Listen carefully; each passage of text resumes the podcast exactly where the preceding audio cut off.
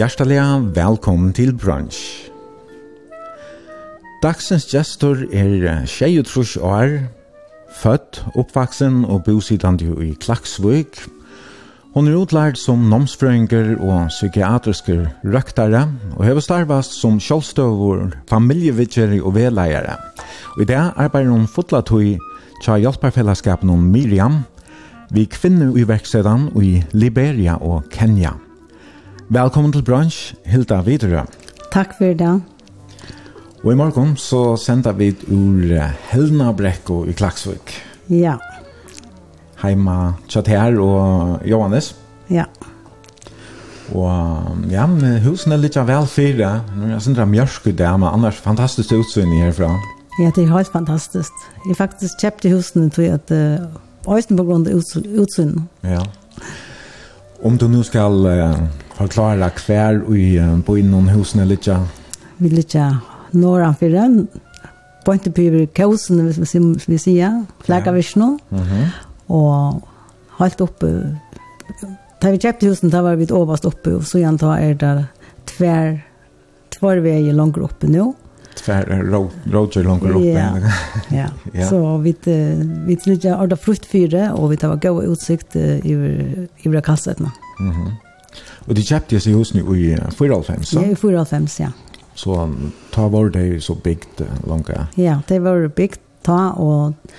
Ja, ja, det var nybygd hus. Ok, det er ta fra 4,5 nå. Ja. Deilig hus, ja.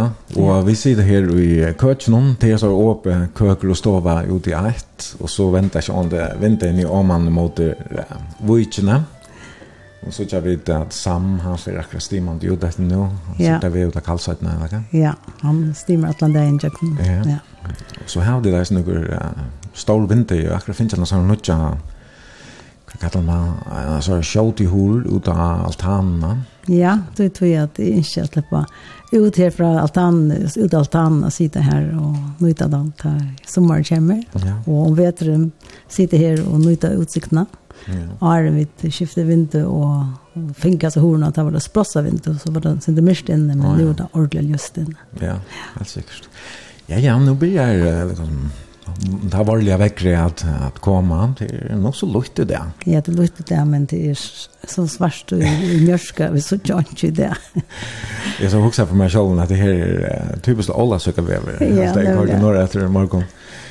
Charles var det om ska og sen det de så det sen det vart lite men men stilt annars ja. Og och här är åtta nutch det ja det skulle vara det. Lite och stilt. knoppar att tröven utanför jag nu så att ja. Ja ja. Ja, og vi sitter her nå og finner kaffe i koppen i morgen, og til å dekke flott opp her nå, vi lekker om morgen med det, så dette var hun litt, Ja. og jeg gleder meg sånn at jeg får høre det greier fra. Vi møttes Ja, nej, var det. Det var Arjen Iron Post, Mikael. Mikael prata om vad som om om livet til det där du upplever och det det är ikke småveis. Ja, jag lever längt liv. Ja, ett annat liv ganska snart. Ja, alltså det här det er alltid godt man kan si, ja, du må landa bo i uh, flyger omför om det kostar två omføren i Afrika og du vill nekvära stan i England i norra og Danmark og kvarta så innan. Därför är det alt å høre om Det var her kommande tvær timene, ja. Og så eisne arbeid du nek vi uh, hjelpervirksem og hjelperfellesskap om, så er du uh, ja, det er jo veldig uh, forskjellige imisker. og det er det så Miriam som ja. uh, er det primære du arbeider vi, ja? Ja. Som er det her, hva kallar man det ensk om women empowering? En, empowering women and ja. entrepreneurship. Ja, nemlig. Ja.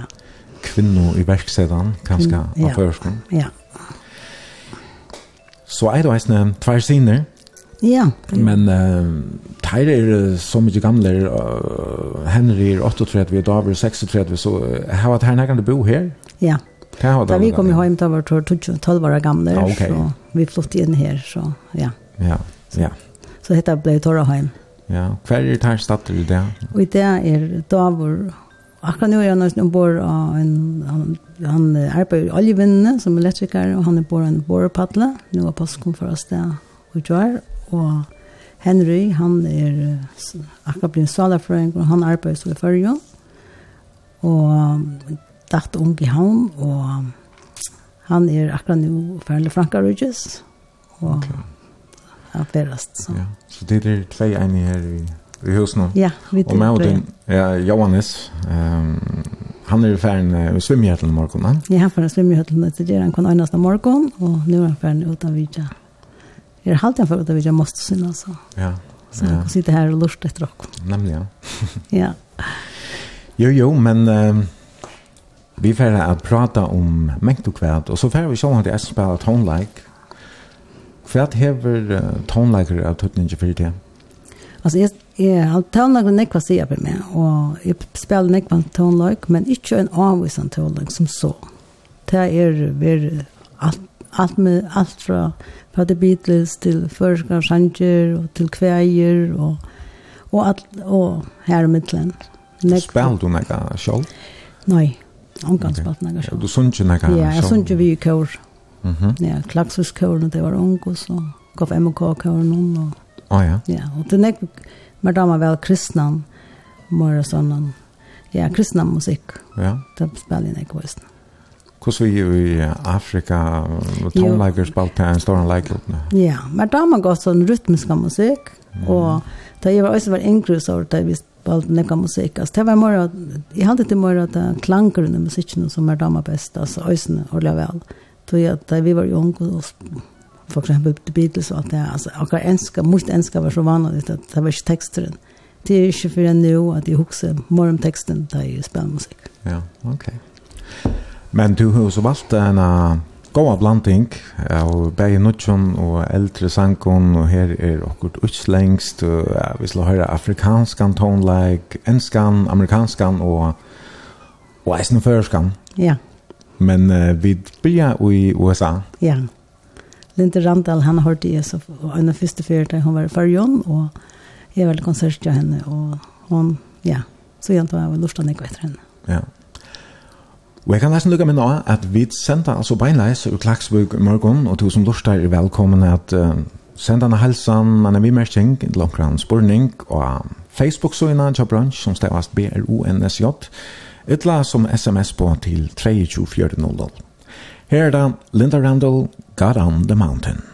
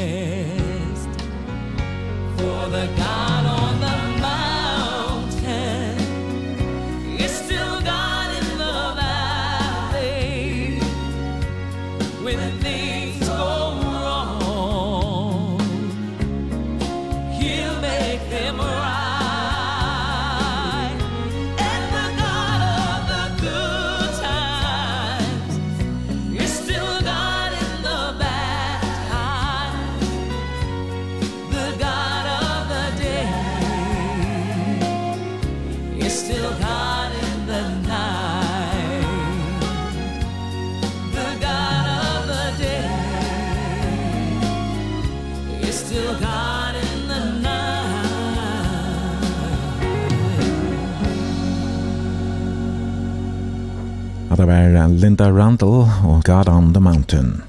Du lurs her til brunch, i morgen er Hilda Vidure Jester, og vi sender beinleis ur Klaksvik. Og det var en, en gåur uh, kristen sanker, en, en klassiker, ja? Ja, en klassiker, ja. Nu nevnte jeg at byrja vi at du erst uh, født uppvaksen och bosatt i Klaxvik. Jag vet inte om det var helt rätt. Du är född i Klaxvik. Ja, jag är född i Klaxvik. Ja. Och faktiskt men de första fem åren mm -hmm. så slog jag partnerskapet i Foglafyr. Ja. Då är pappa min var tro på i Foglafyr. Hade du ditt familj annars i Foglafyr eller samband? Slett inte. Slett inga familj här, men samkomman i Foglafyr blev morda min och familj. Okej. Okay. Pappa då Henry Andreasen. Ja han var troboare, ja. og at det var hur eisen, ja. Ja. Um, Parsvis kanskje av Stronton, eisen, ja, åpna fyrir. Ja, og amma, amma var åpna fyrir, og pappa, appen var av Stronton. Ok. Mamma din? Mamma min er av Sande, oppe i Trøvene Sande, oppi stovo. Ja. Og hun var utlærd sjukrasister. Hon er at Hanna videre? Hon er at Hanna videre, ja. ja. Så du har um, tidsat ett namn till henne, eller är det mitt namn? Nej, det heter ett navn til mamma. Ja. Som jeg finns meg nu. Så du finns där som satt i lönen, eller? Ja, satt i løven, ja. Hvordan så var du annars døpt? Jag var döpt Andreasen. Mhm. Och så blev jeg gift Johannesen. Okej. Ja. Och så vill du vänta etter till vidare. Vidare, ja. Det er det som du ganska føler det ena stenen mer mest som, eller? Ja, pappa min helte att jeg inte skulle öda Andreasen där jeg var gift Johannesen. Så Han var okay. det gamla. Ja. Og så valde jag att det vidare. Okej. Okay. Och du erst uh, medlinger av fem systerne? Ja. Vi hadde en eldre syster som var tjejer eldre enn jeg, og så en, en bodje. og så er det tver yngre systrar. Ja, ok. Ja, den eldste systeren, hun dog for uh, några år siden. Ja, fem år så gjerne. Og så bodje min han bor i Klagsvik. og en av syster i Danmark och så en det ju han. Kan du nämna namn när vi här som sitter i Västö i kvartal man där? Ja. Sist min är Karen i mitten. Den äldsta. Den äldsta och sjuka syster. Mm -hmm. Och bort med mig är Christian Andreasen. Och syster min är Johanna Jakobsen, hon bor i Danmark. Mm -hmm. Och den lilla systern det är Marion And Andreasen, hon bor i Hamn. Okej. Okay. Du vaksa altså opp i Fuglafyrir til uh, første fem årene. Minnes du nekka fra tog tøyne?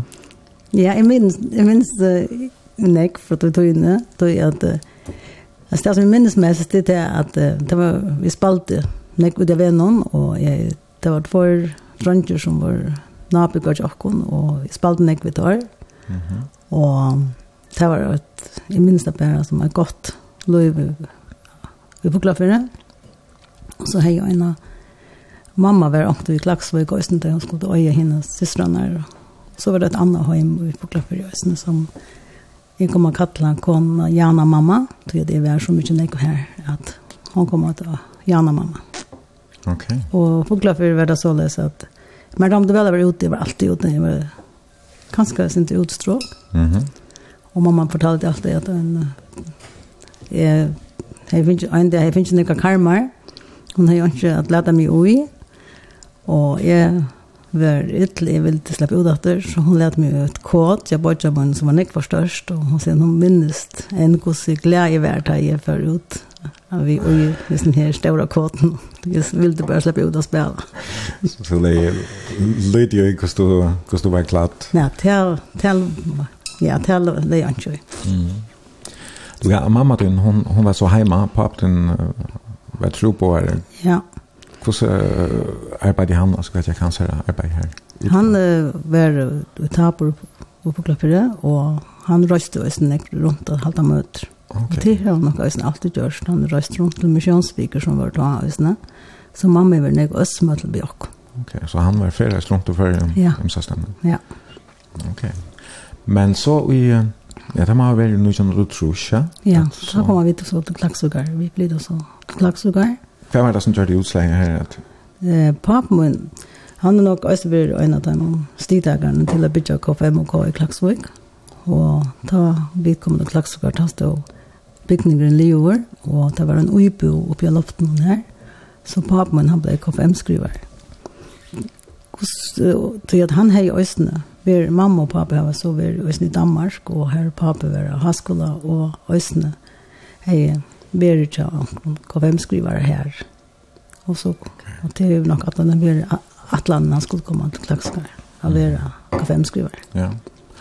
KFMK, det er så det her er jo livligt anlegg folk og anlegg aktiviteter og man har stått liksom på at ganske vekse opp så sted. Det var av middelen stått, det var av nek folk og det er aktivitet som du sier, og det var jenteskåter og dronjeskåter, og her var badnearbeid og ungdomsarbeid, og, og vi var vi og i Øtlendøy som jeg kvirer seg i hos noen her.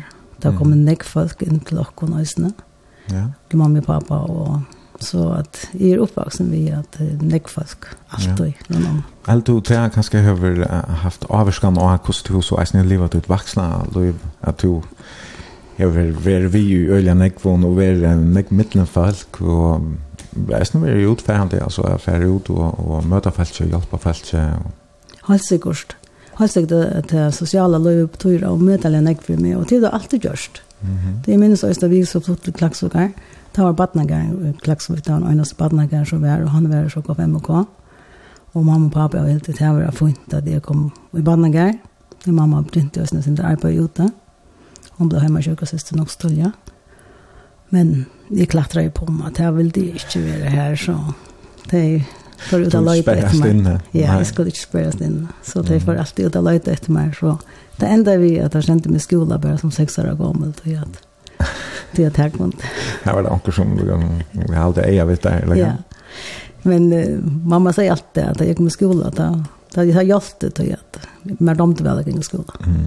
Och hon arbetar nästan som hemmasjukvårdssyster. Ja, hon kom norr norr här norr. Ja, hon arbetar i minns när till att hon gick några första hem som hon gick till i Klaxvik och så.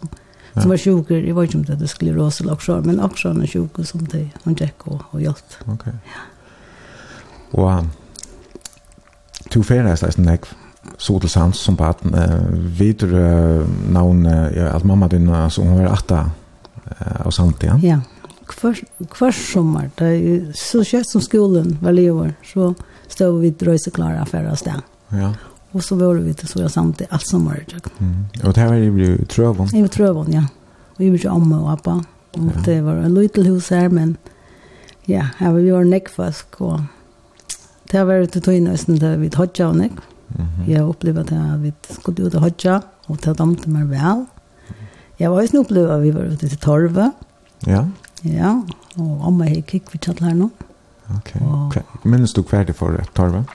Ja, det var ute ja, Stora vatten. Ja, nå, ja. ja. Mm -hmm. Grådvatten her ute i Stora vatten. Mm -hmm. Ja.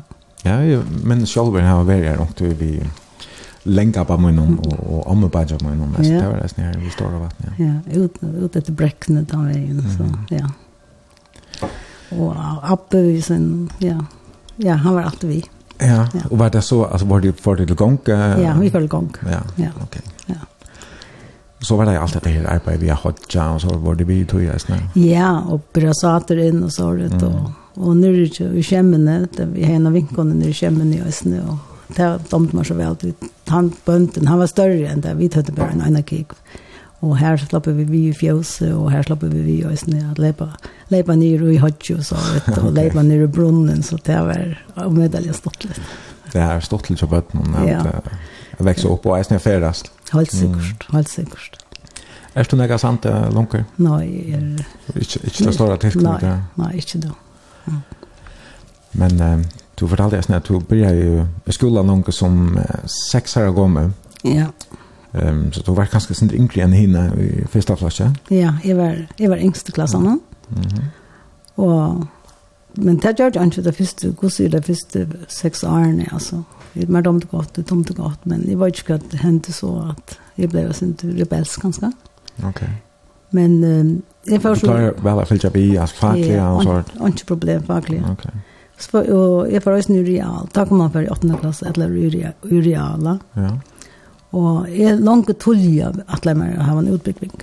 Så jeg atler meg til Afrika. Det var ja. helt tulja at jeg atler i det. Ok. Hva er det du finner til hoskotet helt da? Til opp fra K5K. Ja. Da vi var her, da kom jeg også når jeg tro på det, men det var danskere. Det var ikke føringer ute da. Nei. Så det var danskere. Jeg minns det var danskere tro på det som kom og og fortalte fra, og jeg minnes bare myndene. Ja. Og, og jeg sa meg selv han som sittende her sammen med de svørste bøttene. Mm, ja. Det var lukket som, en, en minn som jeg alltid haft i høtten, at det var det som er skuld. Ok. Det var nesten også vi at mamma din, hun kravde at alle bøtten, de skulle ha en utbygging. Ja, det sier hun alltid. Vi skulle alle ha en utbygging, alle, vi alle bøtten skulle ha en utbygging, og, og jentene, der skulle ikke ha minne i en, en 20-årig utbygging. Ok.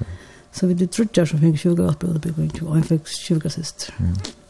Men som du greide fra, så, så ble det genka kanskje sinter, sinter uh, vet ikke, om det gikk gale lukka fram, men det gikk ikke så godt at man satt av blokka, og, og da det gikk i real, så, så var det lukka vi at jeg var steisen i her, at han er annan reala. Ja, jeg dumpa jeg faktisk i en real. Ja. Og, og jeg minns godt, jeg dumpa i fysikk, jeg dumpa ikke, altså, jeg minns det var til, til faget som gjør det det dumpa i.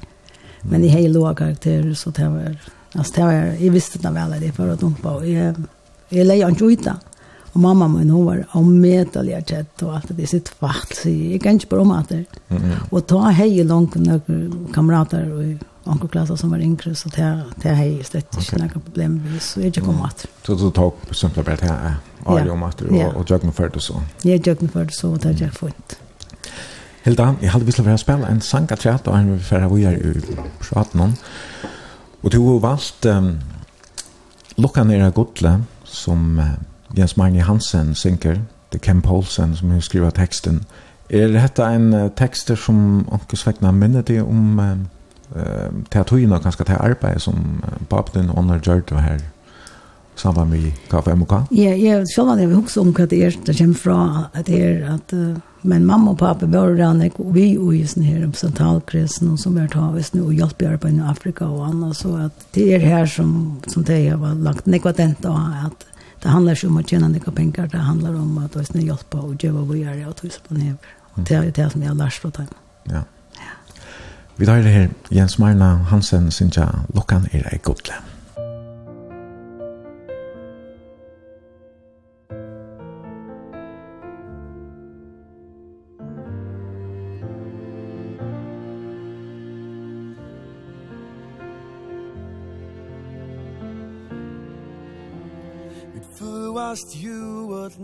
matchen Inn i hesa ver Og vita ikkje tak vær Og i lagna nokon ber. Luivi er så imest Vit fåa her a gjør. Lagnan tidsis løyen Stunden når at vi så hør.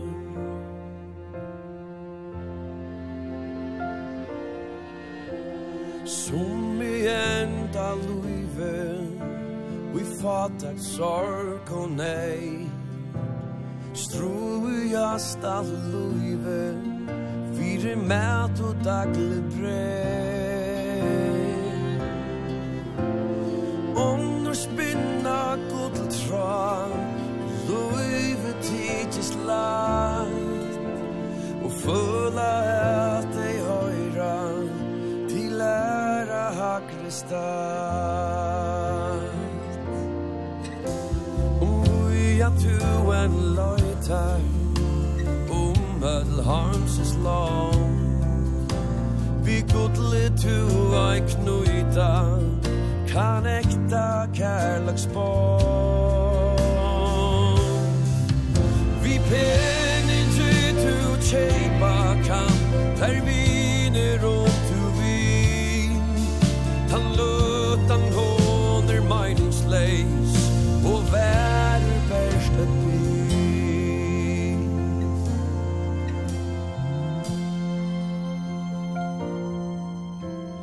Hjärsta tuta vajtat En rattur vinur er. Vysa tæra neina Og kvæt og i munen gjer Han vyser ate i vajkon Og djevur tærte i ra At hjálpa taimur neina Vi tøyn og gilta tråd. Taxi med og gleje Tu i torra ei om sær. Gir gavan største av ödlom Og i tu kan innskja tær.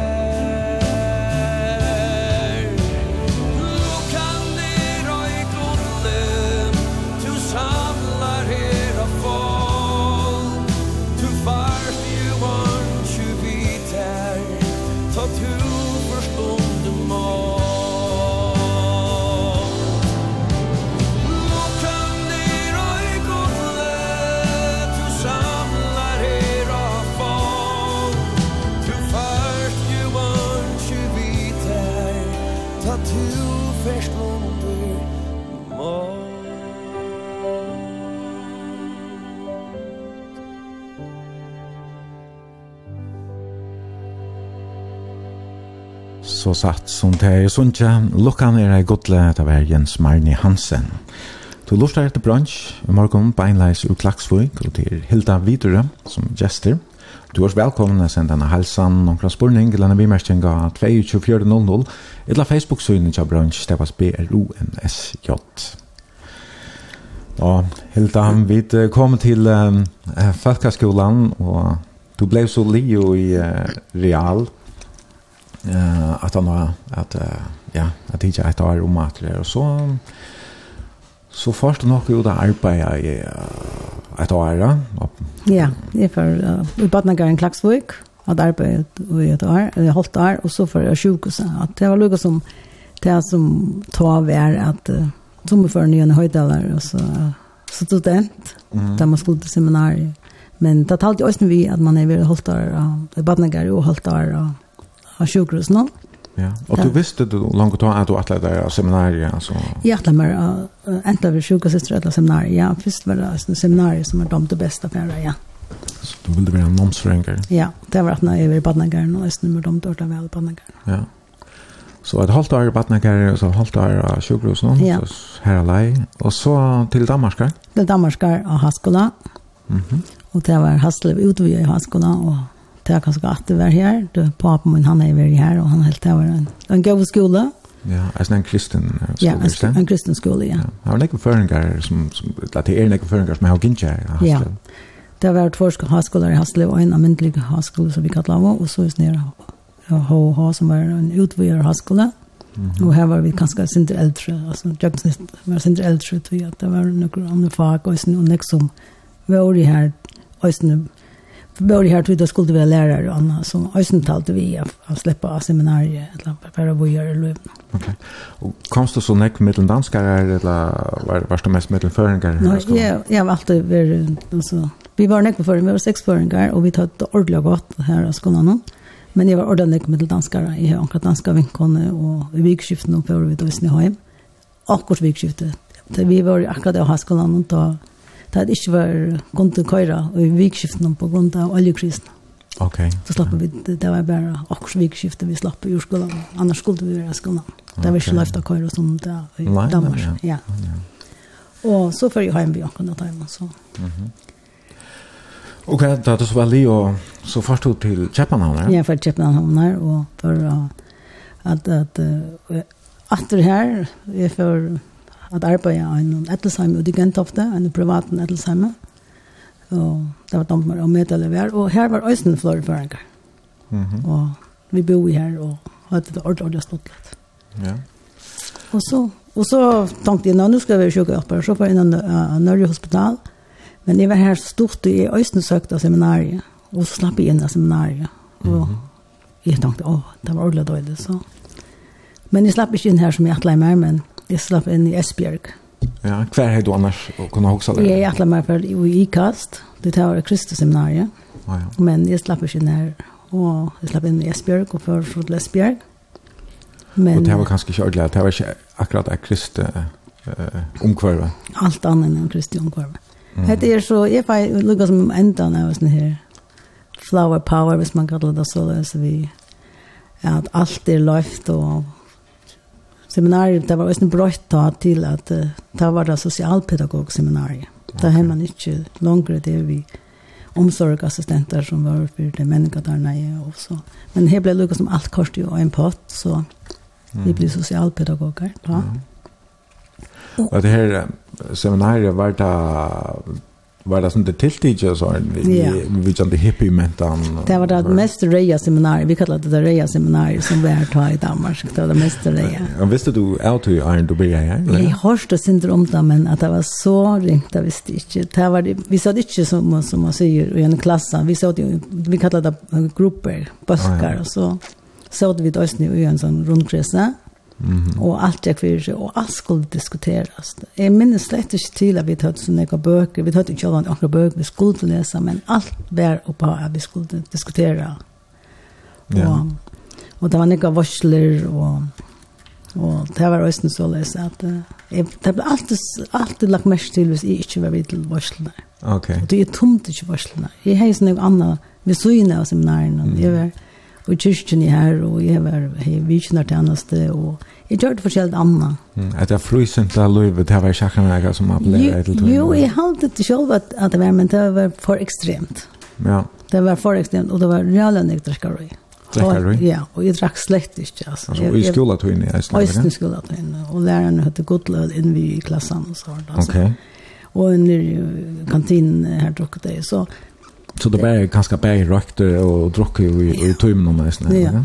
Så det var så løs at Det ble for nick. Mm -hmm. är, är reala social, men att det var nick, for nick bodde i uh, kollektiven nästan eller hva? Det er Tänk bo i kollektiven men jeg kom og bygga på en familie som det är över högskolan och köper äldre och en av dem som jag inte i klasse sammen vis så, så jeg, og så, så kom jeg og bygga på en kollegium men Mm.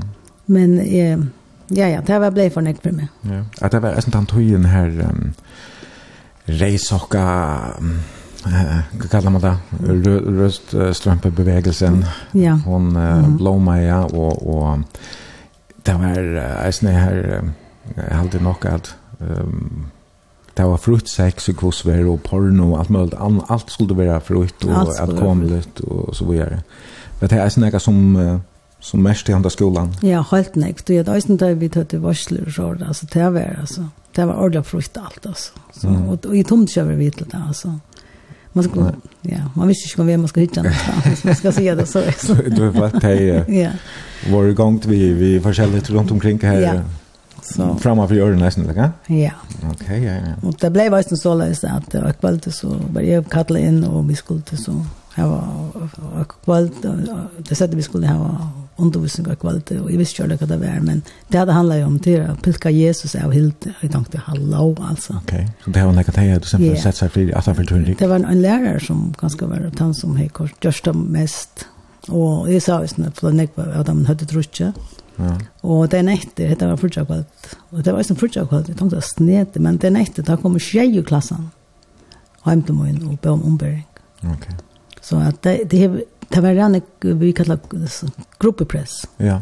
Ja, og ungen, altså, det var en reanig press av og knøtt. Mm. Men det her skulle jo eitast være akkurat det øvda, nemlig at alt var lov, ja, yeah. det skulle, vi skulle kunne roma øtlån, og, og, men kanskje ikke til kristna personen, ja. men kristendommen. Det var jo flere andre kristne hos nere, og de var mer fria, de satt jo som jeg, hva er du sagt da, du er vi og kyrkjene, og du, og det er jeg bare skal, altså. Det var ja.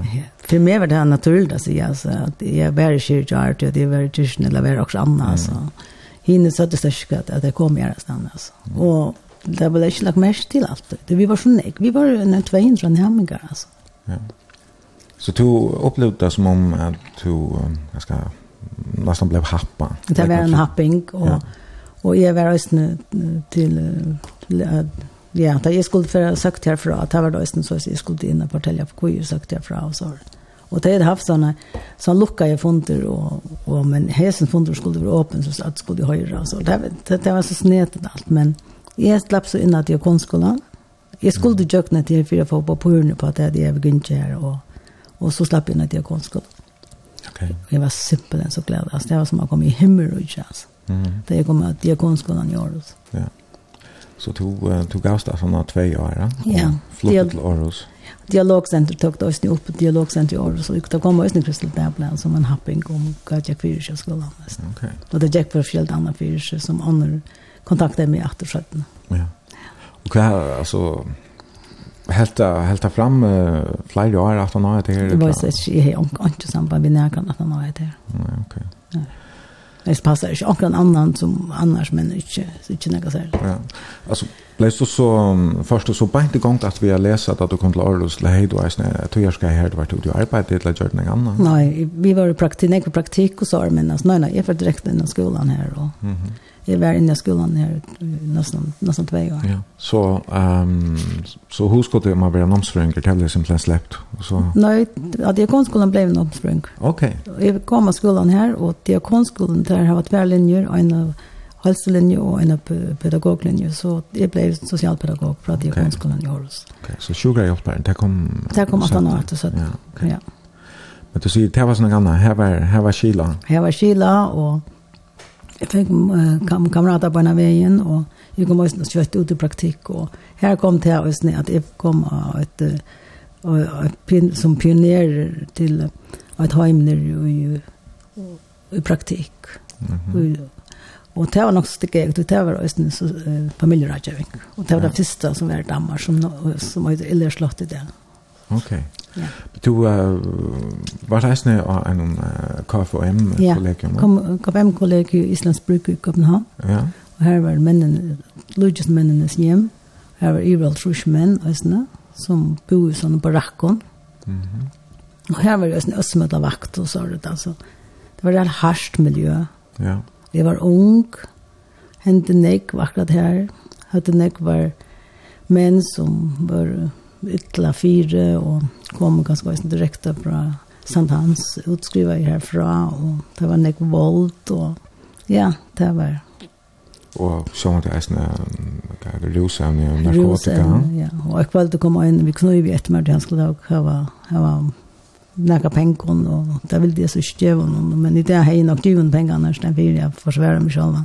Men det enda så vi tog at, at jeg gavsta, men jeg snir stenen og for i og et bygger og hjem for alkoholiker ved Blagkross i Åros. Ja, Det er det er omkvarvet være for hers til å være østmøtler av akt som, som 20 år gammel. Ja. Ta var det altså mer ganske praktikk enn teori, ja? Altså det yeah. går nek ekve ut i det, vi ikke bare sitter og skulle opp ikke. Nei, vi tar det reale praktikk. Og det var, det, jeg var her i skolan i halvt annet år, og det lå til sammans jeg tror två och ett halvt år og ett år var praktikk. Okej. Det var så Leo i Nutchalfjärs, ja? Nutchalfjärs var i Leo. Da kom jeg hjem til førre på en av veien da, i Nordjabjørs. Arne, vi får være i praten om, Hilda, så hadde vi fått spille en sangatræt, og hette er ganske en sanger som minner de av ungdomstøyene til The Beatles som spiller. Ja vi spalte nek The Beatles, og det var nok skekt, og jeg tog til jeg tog angående og vel Angels, så at det var, det var mer så, ja, det var tankeren Beatles, så det var sånn, og nye leie, og det var sjankeren til Beatles som var, som vi spalte alltid. Ja. ja. Vi tar det her The Beatles og sangen Yesterday.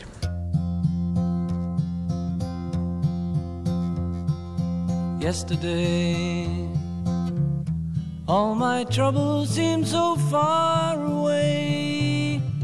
Now it looks as though they're here to stay. Oh, I believe in yesterday. Suddenly I'm not half the man I used to be. There's a shadow hanging over me. Oh, yesterday came suddenly. Why she had to go I don't know. She wouldn't say. I said something wrong. Now I long for yesterday. Yesterday. Love was such an easy game to play. I need a place to hide away. Oh I believe in yesterday.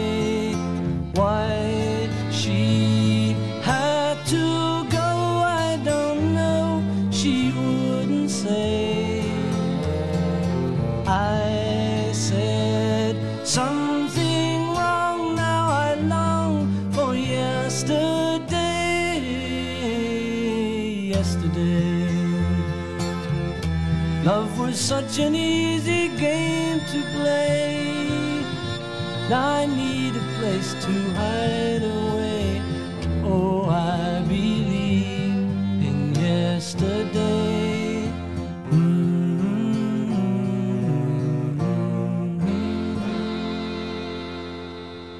Vi hørte om The Beatles og sangen Yesterday til Hilda Vidura, som er gestor brunch i morgen. Vi sender beinais ur Helna Brekko i Klaksvik, heima tja Hildo og Johannes. Og vi sender beinais.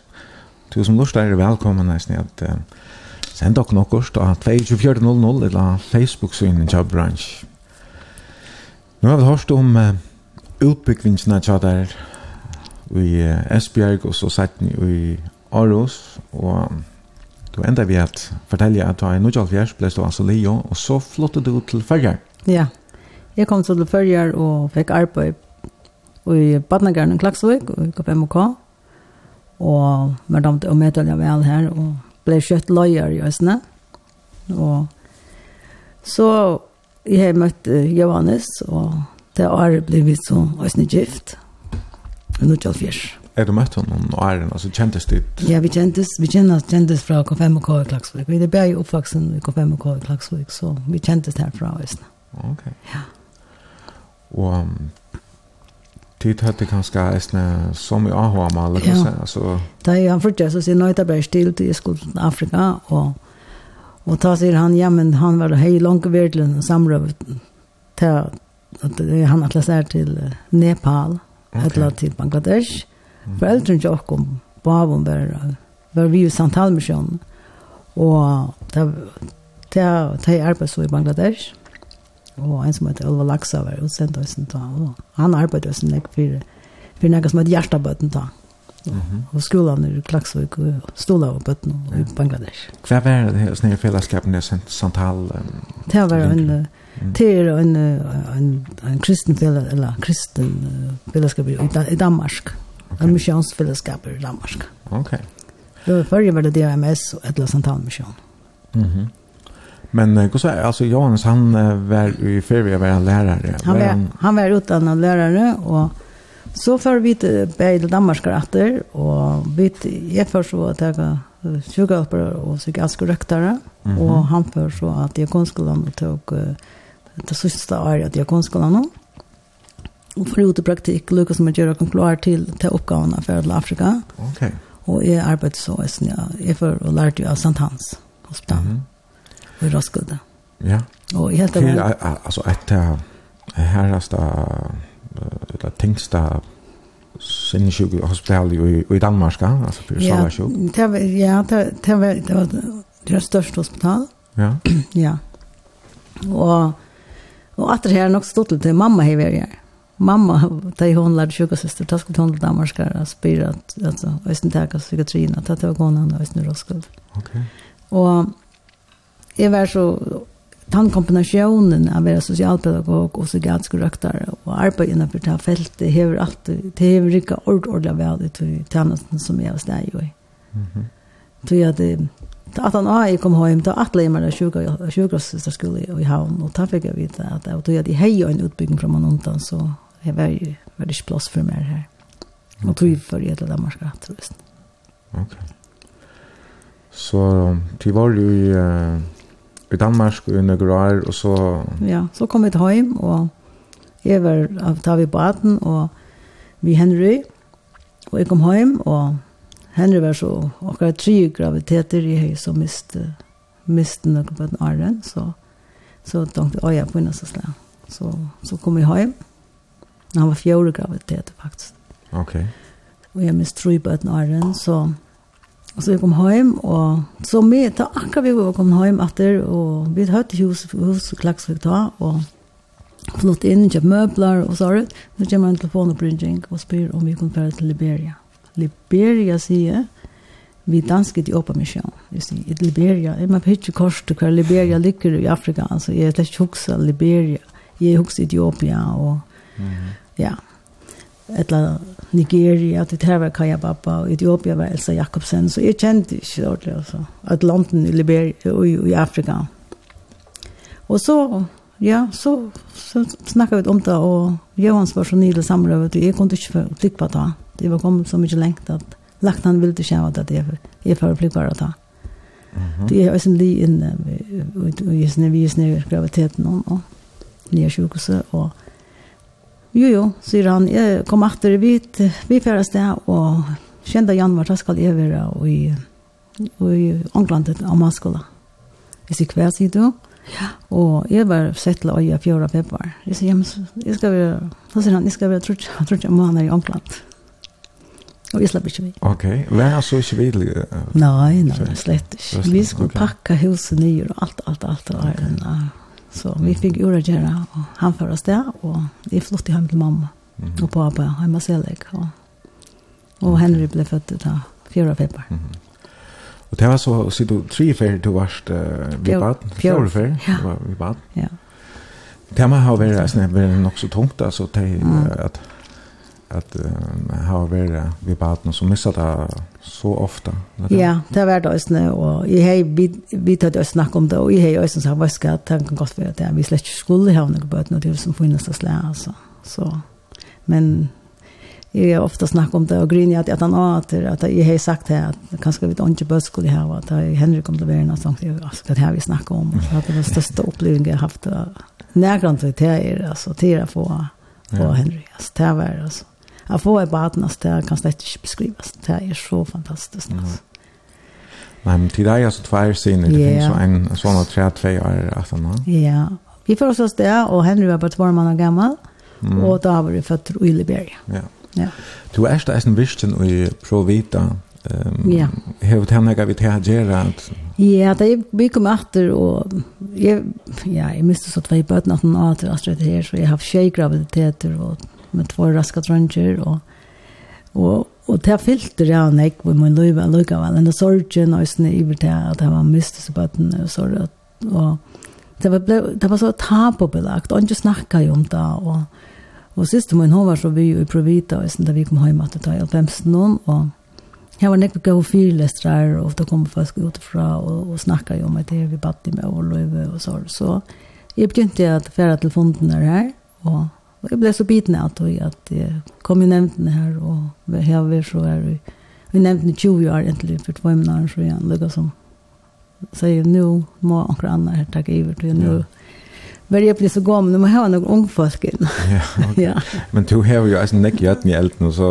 Ja, det gör jag inte så mye, väl. Ja, ja, ja. ja. Men uh, detta var altså i uh, 1904 at uh, tillföras det ja. og, og ja, tillföras det med en tvær, han var tvær månader gammal. Ja, han var tvær månader gammal. Ja. Och mamma min häst alls inte att det var rejält att föra stället till Liberia. Nej. Och Liberia, det är vi kallar det den kvida man skröven till här nek um, malaria och nek dodja och det var ett land som man säger ja, det går så hvis man läser om det så var det inte det bästa landet jag färd till i en liten vatten och jag sitter fatt ja. det är oja bötna i Liberia Så det kunde ju färra fyra. Ja. Och kanske om det nu är någon som i vad styr kvar eller nu akkurat Liberia ligger um, så kan man säga att det er grannaland till uh, Fulabans strandna. Ja. Och kvar är det för land? Sierra Leone. Sierra Leone ligger in. Det ligger i Västafrika vi ja. vi har på vid nösten här som det brinner. Ja. Så om man till uh, Atlanterhavet. Ja. ja. Så det er liberty, og det blir fralse, og det er som slavene var sett her land fra USA. Så det er mm. avvirket av USA. Ok.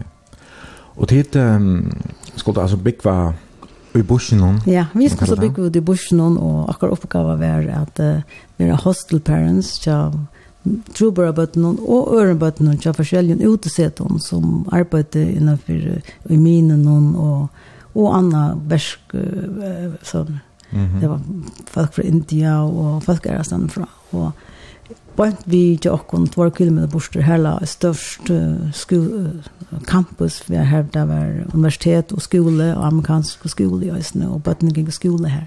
Så vi var jo foreldrene sted. Okay. Her vi tøtte bøttene, byggvante, og så kørte vi til skole og kvante, og så kom det etter. Hvordan er bøttene? Det, uh... det er 15 bøttene. Og de var her alltid, og de slapp hjem øyne for en måned, og et vikskift på en måned slapp de hjem til foreldrene til seg. Så tid hadde du bare fru, et vikskift i mannen? Ja, et vikskift i måned hadde vi fru, og vi bor her også. Ja. ja. Hadde de uh, hjelper folk? Uh, ja, vi tatt folk i køkken, og kokker, og vi tatt orangerens folk også. Og ja, så det var, men vi kjøpte inn, og för oss om man nu huvudstäderna köpa mat och så som vi inte funkar uppe och så köpte vi det in Napoli och så. Ja. Ja, och så ja, vi skulle ordna allt det. Mm. Så man gör vi så femta böten har bruk för att tarva skola ting och sånt. Här är ju öliga hajt, men, men det bor väl till hade aircondition, ha? Kan du säga?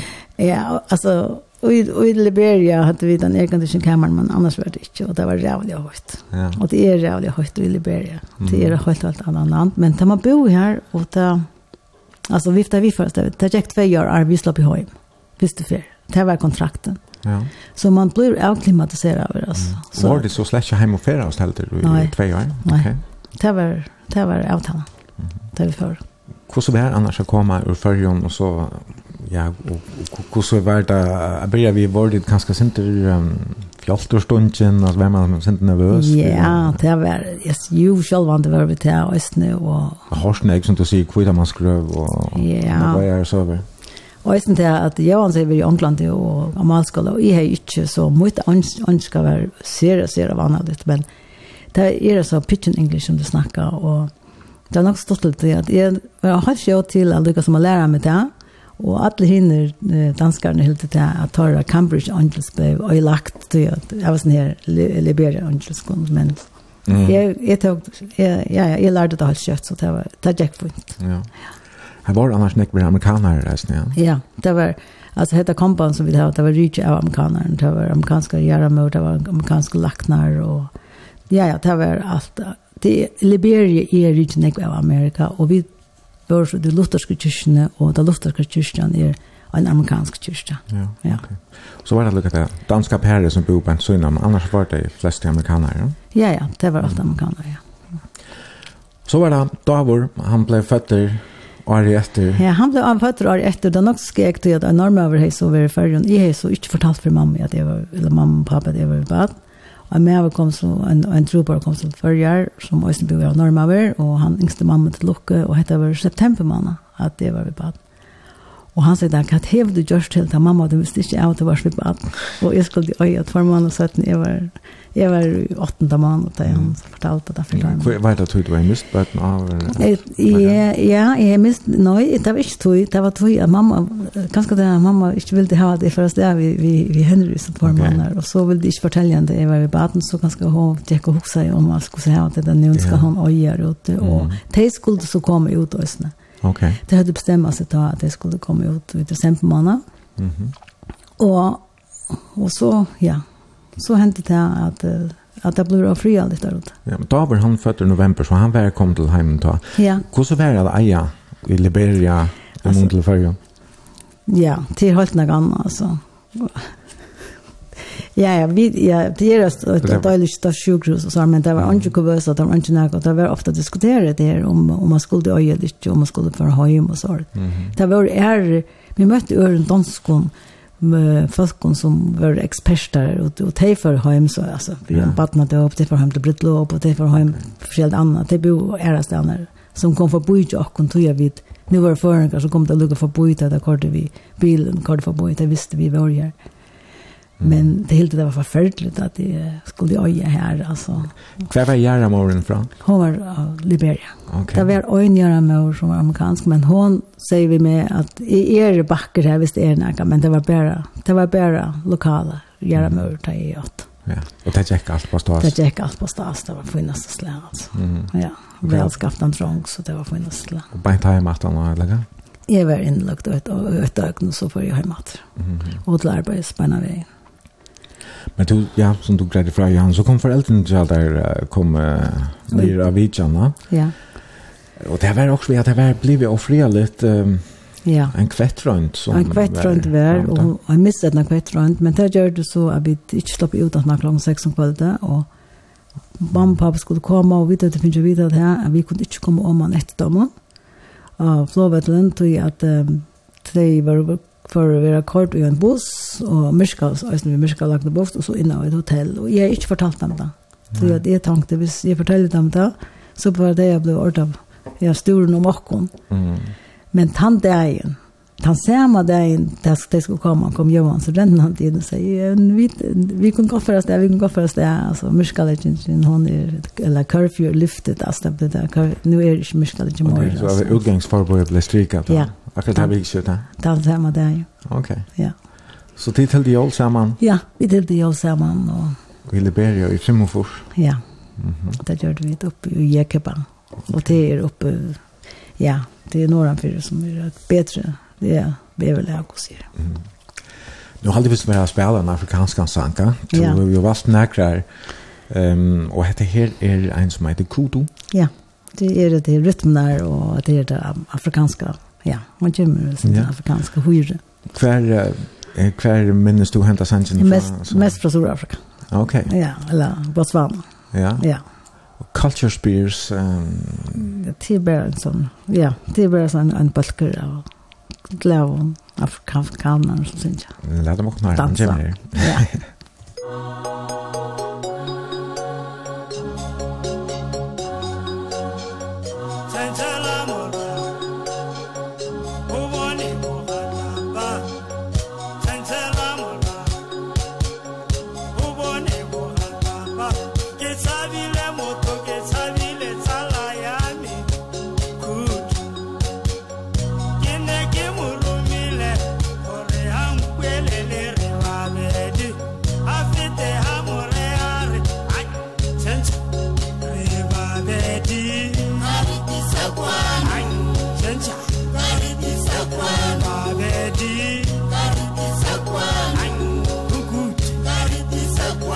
I've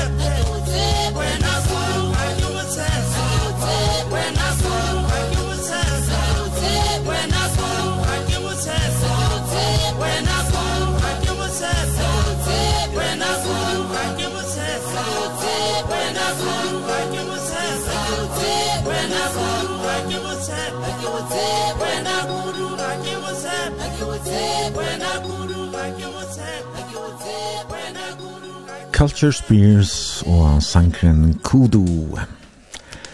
Det er Hilda Vidre som er gestor i bransjemarkon, og vi sender beinleis ur Klaksvik. Vi er heima tja Hildo Johannes i Helna Brekko. Og, og 22.00 her er det kommet her flere helsaner og krabimersinger og ein skriver um, Hei Hilda. Stått litt at du har det fortelle. Vi kjennes fra Ungon Aron, og jeg må si at du er overfor og et rumlet menneske. Takk for det. Og ja, rumlet halte jeg eisne, at det prater vi da haft her til viser sinter, altså selv om kanskje det ble, var sinter for en ekva du går her i Esbjerg, så har du vært nødt til Roma, sinter akvarium. Ja. Og, og så er vi til Afrika, altså en, en helt annen vær etter. Ja Og det var så i Liberia som tog grejt fra, så begynte jeg da å bli ofrihaligt. Och det, det enda så visste vi borgare krutje noen gröar setten, ja, var det inte något för at ja. att det kom? Något för så det var det lukket 2003. Ja, men det for så heim och ären, det var hem att du i tjejfors, ja? Vi på heim i tjejfors, vi tar värda och snö frialigt og det ble vi å være som politiska ofrier så at det helt ikke at vi kunne være her sammen vi små och Okej. Okay.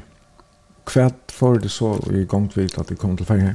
Ja, så før vi kom til Førjar, og så før vi til Ångland, så att jeg skulle til Amalskola. Mm och Og det er helt iver ordet døylig, så før vi til Ångland. Det var lære engst, eller hva?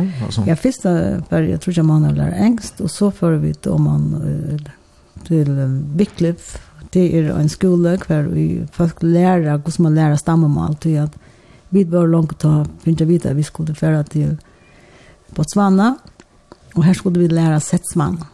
Det var stammal her nere. Okay. Og så får vi til å lære til. Og det er lukket som gjøre det klart til å fjerde på sånn. Ok. Det var også vet litt um, omsett og bøydelige reisene. Ja, var det så at du lærte om alle? Men det er de som lærer. Avviklet er nesten alle nærmengene som fer ut at lære at omsette. Mm. Og vi, nei, vi skulle, vi skulle ikke gjøre det her, vi skulle bare lære stamma. Ja. Hørte du hoksa på noen tidspunkt at de kanskje skulle fære atter til Liberia annars, eller hva? Nei, vi tøtt ikke. Vi, uh, vi valgte... Det var like som Leo her, eller hva? Vi valgte, ja, vi, vi fører til, uh, til Botswana, og så fører det Sucha Gustav for å være her, til at i hei Lugasen, eller vi tøtt ofte snakke om at røntgen var luttler, og tar skulle det her var et passport country, som vi kallet, det var sier det her, at uh, førjar er sint annerledes hinn i landene, tog at uh, danskare sendas ofta torra bøten heim av etterskola, amerikanere gjør det samme, og jeg sier det at vi tatt ångan etterskola førjer, men ta i drøntjen var så tannarengar, da helt i at hun skulle komme heim, og så blø førengar. Mm -hmm. Det har ja. makt aldri kjent jo Men Ja. Ja, kom. Men, uh, ja, tid for så til på Svana, og, ja. Yeah og Nordfors og ja.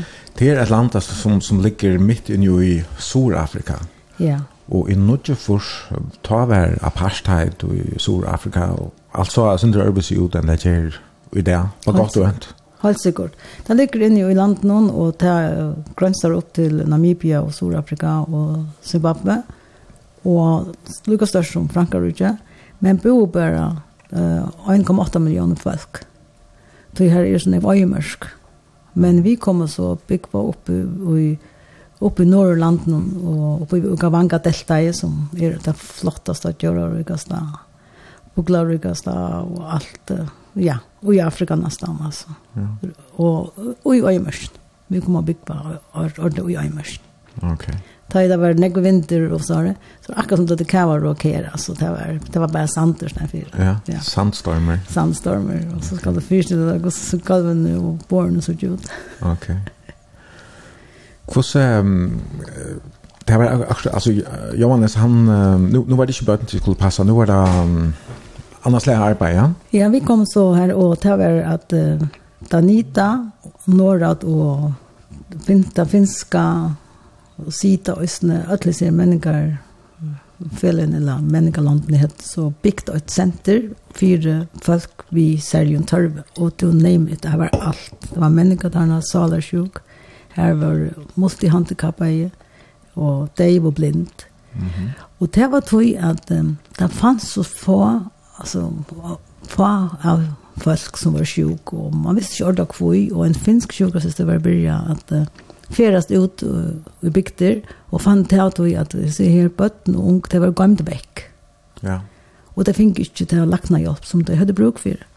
Hei, da nekka vi tar et trikk hva gjerra om ja. at hvis du fikk et baden som er, det var sala sjukt, eller mangla i okkur, så var det til at man er gjørst okkur gale, eller? Den ene atarbeidsgrunnen, han tro fullt og fast på konan er vi hvis det finner baden som var handikappa. Ok. Ja, så var, så hon var åtrykk, og så, Och och det gör det så reellt när vi familjen själva selvvandig att mamma mamman jag lagt under över avtrykk hvis de åtte flere bøtene, altså hvis ni och vi familieløyve.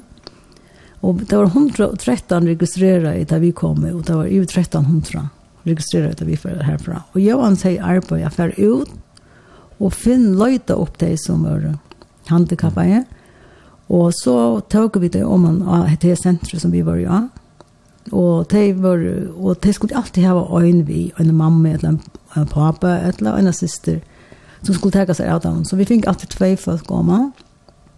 Og så hjelpte vi dem til at lykkes som at ta seg av dem. Nekva de hadde bare fått litt sår, tog jeg teit, omgat vi hadde i sølene, teit li inne og i, i hyttene. Og de nekva de hadde beilus og skrup, på. Altså, det var ju en syndalig stand til det kom. Så akkurat jag gav hjälpa dem till å være gå i. Okay. Men var det så her falskene, Var det kristen annars? Nej. Ja? Det var det inte. Nei, det var att att mövligt alltså. Det var alt att mövliga. Jag hade tryck på på på tröjne, stenar och ja, mm. det var det var. Nick Patrick og... och, och Nick Antatrick var vad det mövliga. Ja. Och det var också bensjen. Nick var rævlig av bensjen, tror jeg, at det visste ikke ordentlig hva at hette kvui finnes finkelse bøttene, og som jeg også bøttene finnes, finkelse, selger kraft, og visste, altså lukket som, og som blir bensje for dem. Ok. Mm. Tar ikke nema vitt det og sånt. Hetta var eisne, jeg tror jeg skal ta sørste forskningen her, AIDS, til jeg gjør det om seg her. Ja, AIDS var akkurat kommet, og AIDS, og sånne forsøk, Sahara var tiltrykt at det var ordentlig AIDS, Og andre visste jeg det, eller vi visste ikke det hva det kom fra, og det var også sin hemmelig, og selv om man fikk en blå rundt, og fikk å vite om det, så man ikke lov til at sige det, og Ok, hva er det? Altså, altså det, det var hemmelig, altså, Och du fick det helt själv jag vet att det hade hade AIDS. Alltså det var bara så tabu om allt det där vi AIDS. Men det är precis på samma sätt som vi vi handikappar och lament vi Ja, brega bred la menningar där navn at um, Ja, man, det var tabu. Det var tabu, og man visste helt ikke hvordan smitta er, og snakka om tar, om det var brøstamjølken, og ja. Men man visste også, så, så kom det jo sjålvande fram at det var jøkken seksuelt, altså, men så, og så var det til at uh, det døg helt ikke av AIDS, hvis man kan si det, så tuberskla døg en hån, ble fått beina ved en av folk med tubersklar, og æra fylkesjukker, og det var så rævlig folk som døg jo helt, helt nek. Og de ung, fra två mannen opp til ja, 30, 30 år og sånt. Og, ja, men, og i Afrika, dagen har redan i stor tøtning, for det at, at familien skal være her, og ofte bor det en hel måned at jeg døy at greve det, men nå døy så nek, og det setter vi må greve det hvem leir det var gjøre for. Okej, alltså börja den hela månaden så allt skulle komma och komma och så där. Ja, gavst, Alltså han tar mentan alltså hon bröttes på den vägen och så det så att att innan en vecka så skulle det att börja göra så det var göra för kan kan lägga morgon. Jag minns en alltså jag kunde gå stanna framför 16 öppna gräver alltså.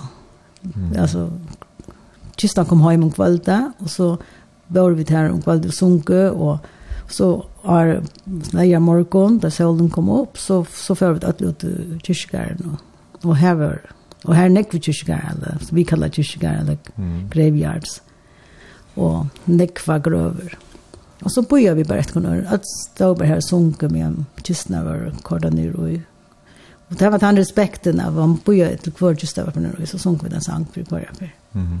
Det var en massa gjerra for... Det var en massa göra för og det var av medelig syrgelig, altså. Det var en tog hver man, lukket sånn. Jeg hadde man blei ångsvekkende, så ble man bare sin følelsesleiser. Man visste ikke ordet hvordan man skulle hjelpe, og jeg heter Øystein Kvinne i arbeid i kyrkjene, og vi biskopen spurte som jeg om jeg ikke kunne hjelpe til vi omkron av oss nede ved AIDS, og jeg, vi begynner begynte så kyrkjene, alle kvinner som møttes på en sånn dag, at møtes er at vi ære tøyer Gjørens det steder, for om man hospitalet som det har tatt vi, og bare for å vite at de som hadde AIDS, og be for dem, og da det var utskrivet, så får vi et ned hjem til dem, og hjelpte dem vi å kjøpe inn, til at ofte så var familjen rømt, altså, de ville ikke tage seg av dem, til at det tørte ikke, de tørte ikke, det var bensjen. Så faktisk ble vi altså utstøtt, hvis det ikke var AIDS? Ja, da blir det ordentlig utstøtt. Tid hade den här fällskapen kan han så så så solo Felo. Solo fello. Ja. Tappade ju vån. Ja. Vi går navnet solo fello. Tappade ju vevn. Og han fällskapen han blev virkelig virkelig, tog at det blir sån där för äldre läsböt nästan. Og det ble ikke så ösna kom om han i kyrkene. Og Det kyrkan tatt vi i hospitalet. og på med att det var ofta bara bara en gommel omma som så vart han som skulle ta sig av nekbon om och bötterna. Föräldrarna döjer från bötterna. Ja, föräldrarna döjer från bötterna. Mm. Tid, hade var äsnen den här fällskapen var, la var, woman against rape? Ja. Det kom så i kjallavaren, jeg var sned og østene, tog at så knappt så bør så gjerne ikke nøytøkker, og vi tänkte, ja men hva, altså, hva er det som gjør det som det kan kom knappt Og så var det her, atter det här snedtiga ontaliga att Patrick Patrick vill at männen är helt det hvis det ställer vinkarna jomfru så blir det frustrates och så nej simpelthen blow mig altså. så man man heja ett annat så en förskruva en tanke om att hvis man kunde nej ta en jomfru så kommer man bli frustrated ja. yeah. Det var en parter av det, men da vi så begynte å snakke om nøytøkker, så ble det også en rævla bench, eller kløk, jeg ble rævla kløk, tog at så ble det nekk mer enn vi hilde også med kjønnslen agentje. Og i det lutherske kyrkene som vi er arbeidet, og vi var aktiver, rævlig aktiver, og da kom så rævlig nekk og fortalte at jeg var nøytøkken, og også er, og herren heter her, Og jeg tenkte, altså, hva er det i de lutherske kyrkene, og henne kyrkene, sa, det vet jeg ikke. Så sier jeg, men prøv å titte og snakke om det, som tykker kyrkene. Altså, under godstjennesten, det er ikke noe som å snakke om kyrkene avgjeng, og under godstjennesten. Alt det er begynte på det, så visste jeg at det var slett ikke noe som er noe øyndom i de lutherske kyrkene. Det var det. Ja, det var det noe kyrkene avgjeng. Det var bare noe, man ikke tar seg om. Ja, noe som ganske vi så ikke det, og sånn, jokken. Hvor lenge var det så her i Botswana? Tjej år.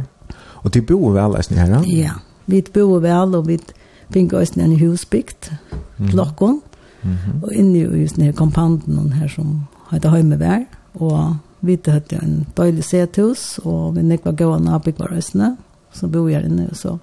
Ja. Og takk, det var nekva trobar, det var bare danskare og, og amerikanere, og vi finner nekva vimpelk her eisene. Mm drøntjen kom og genga en amerikansk skola, og tar hatt i Øysten nekva med menn, og Øysten lokal og så.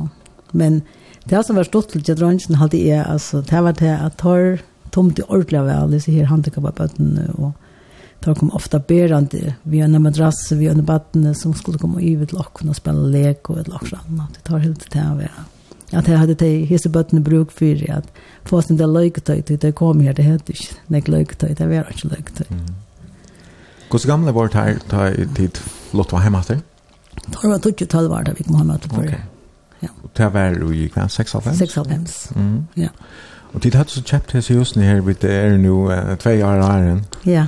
Helt det chatta jag åt han hitcha eller var det hemma hunkt jag dem då eller kan? Vi var hemma och i Orlo i förra fems och då hade vi Lucas som bestämma vi kom hem att vi skulle ut år i året så kom det åter och och Bønt vi av her til okken, vi av her, her er husen til oss, bærsforeldren til. Og vi tar til frakt at helja vinduen i kjattlæren, det er så reale tøyt, det er nødt vindu i kjattlæren, det er så reale tøyt, så for lengt fra, så det som alt falla saman. Så det var nok skega vi fink akkurat hes i husene da. Ja. Og i fyrir at kjøpte vi. Ta var jo, i fyrir at ta var ringa tøyre fyrir, kreppan halte vi her, og var i hattene da, i 3.5, ta Ja. Krakelera, ja. Vi tatt jo en hus, Arne, vi får av sted, og i mm. Fyrefors, og vi selte jo seks halv med, og fors, tror jeg at vi satt vi for å være en langt tur ut i Afrika. Ja, ok. Og tog, tog bare til til åkne, kjøpe en nødhus. Mm.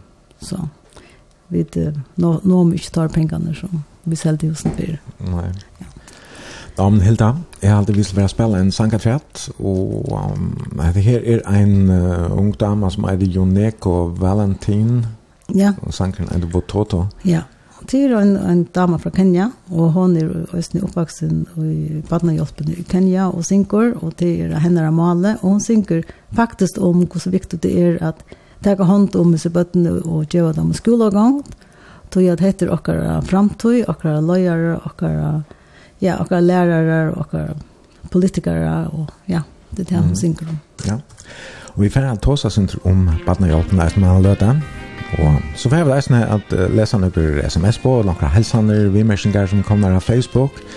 Du kan enn skriva til lokken, Facebook så han eider brunch, det var B-R-O-N-S-J, og annars så er telefonnummer 22400. Hette er Joneko og sangren Vatoto. Vatoto.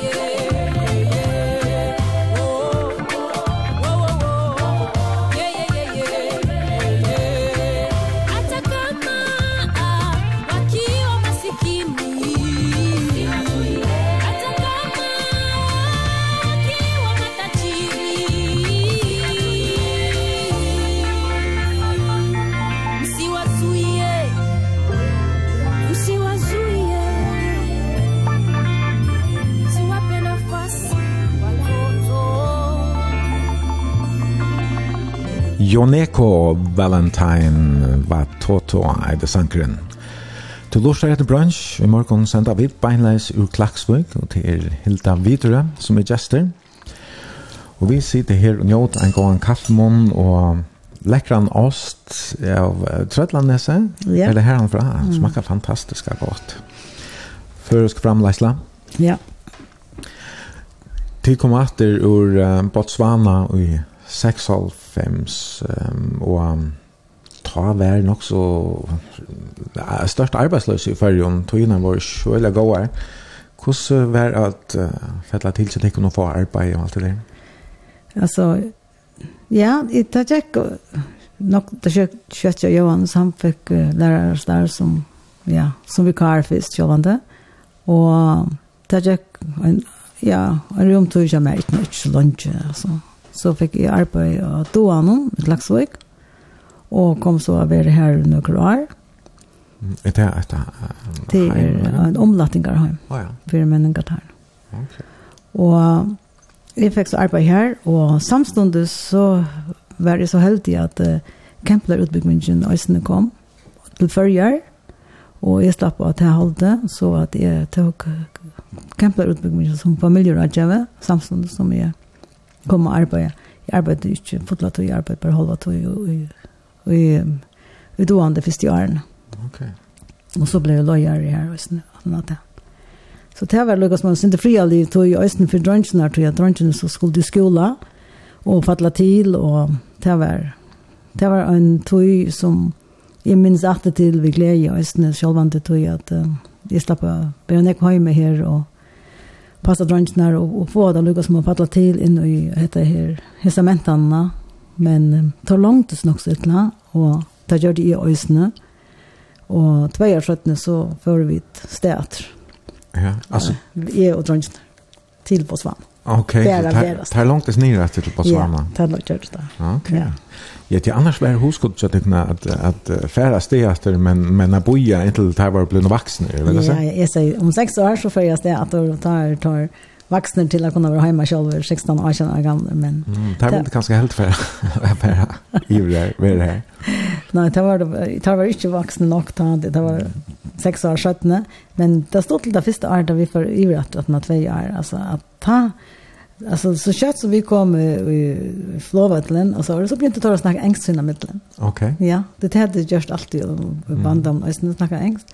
Och så då vi kom över där så sa mamma här var vi bo så primitivt. Okay. Alltså ja, yeah. alltså det lukar som ja till två år när just när vi tar alltså så alltså det här vill leva så primitivt. Mm -hmm. Ja, det hade det där. Så tar tar tar helt en en ära mint. Helt säkert kom hem att är. Det kom hem att är för så var det akkurat som ja, det här vi skulle vara. Det var ja. okej, okay, jag vill hem att komma. Mm. Och alla kamraterna jag var östen flotter till Fredrik så. Ja.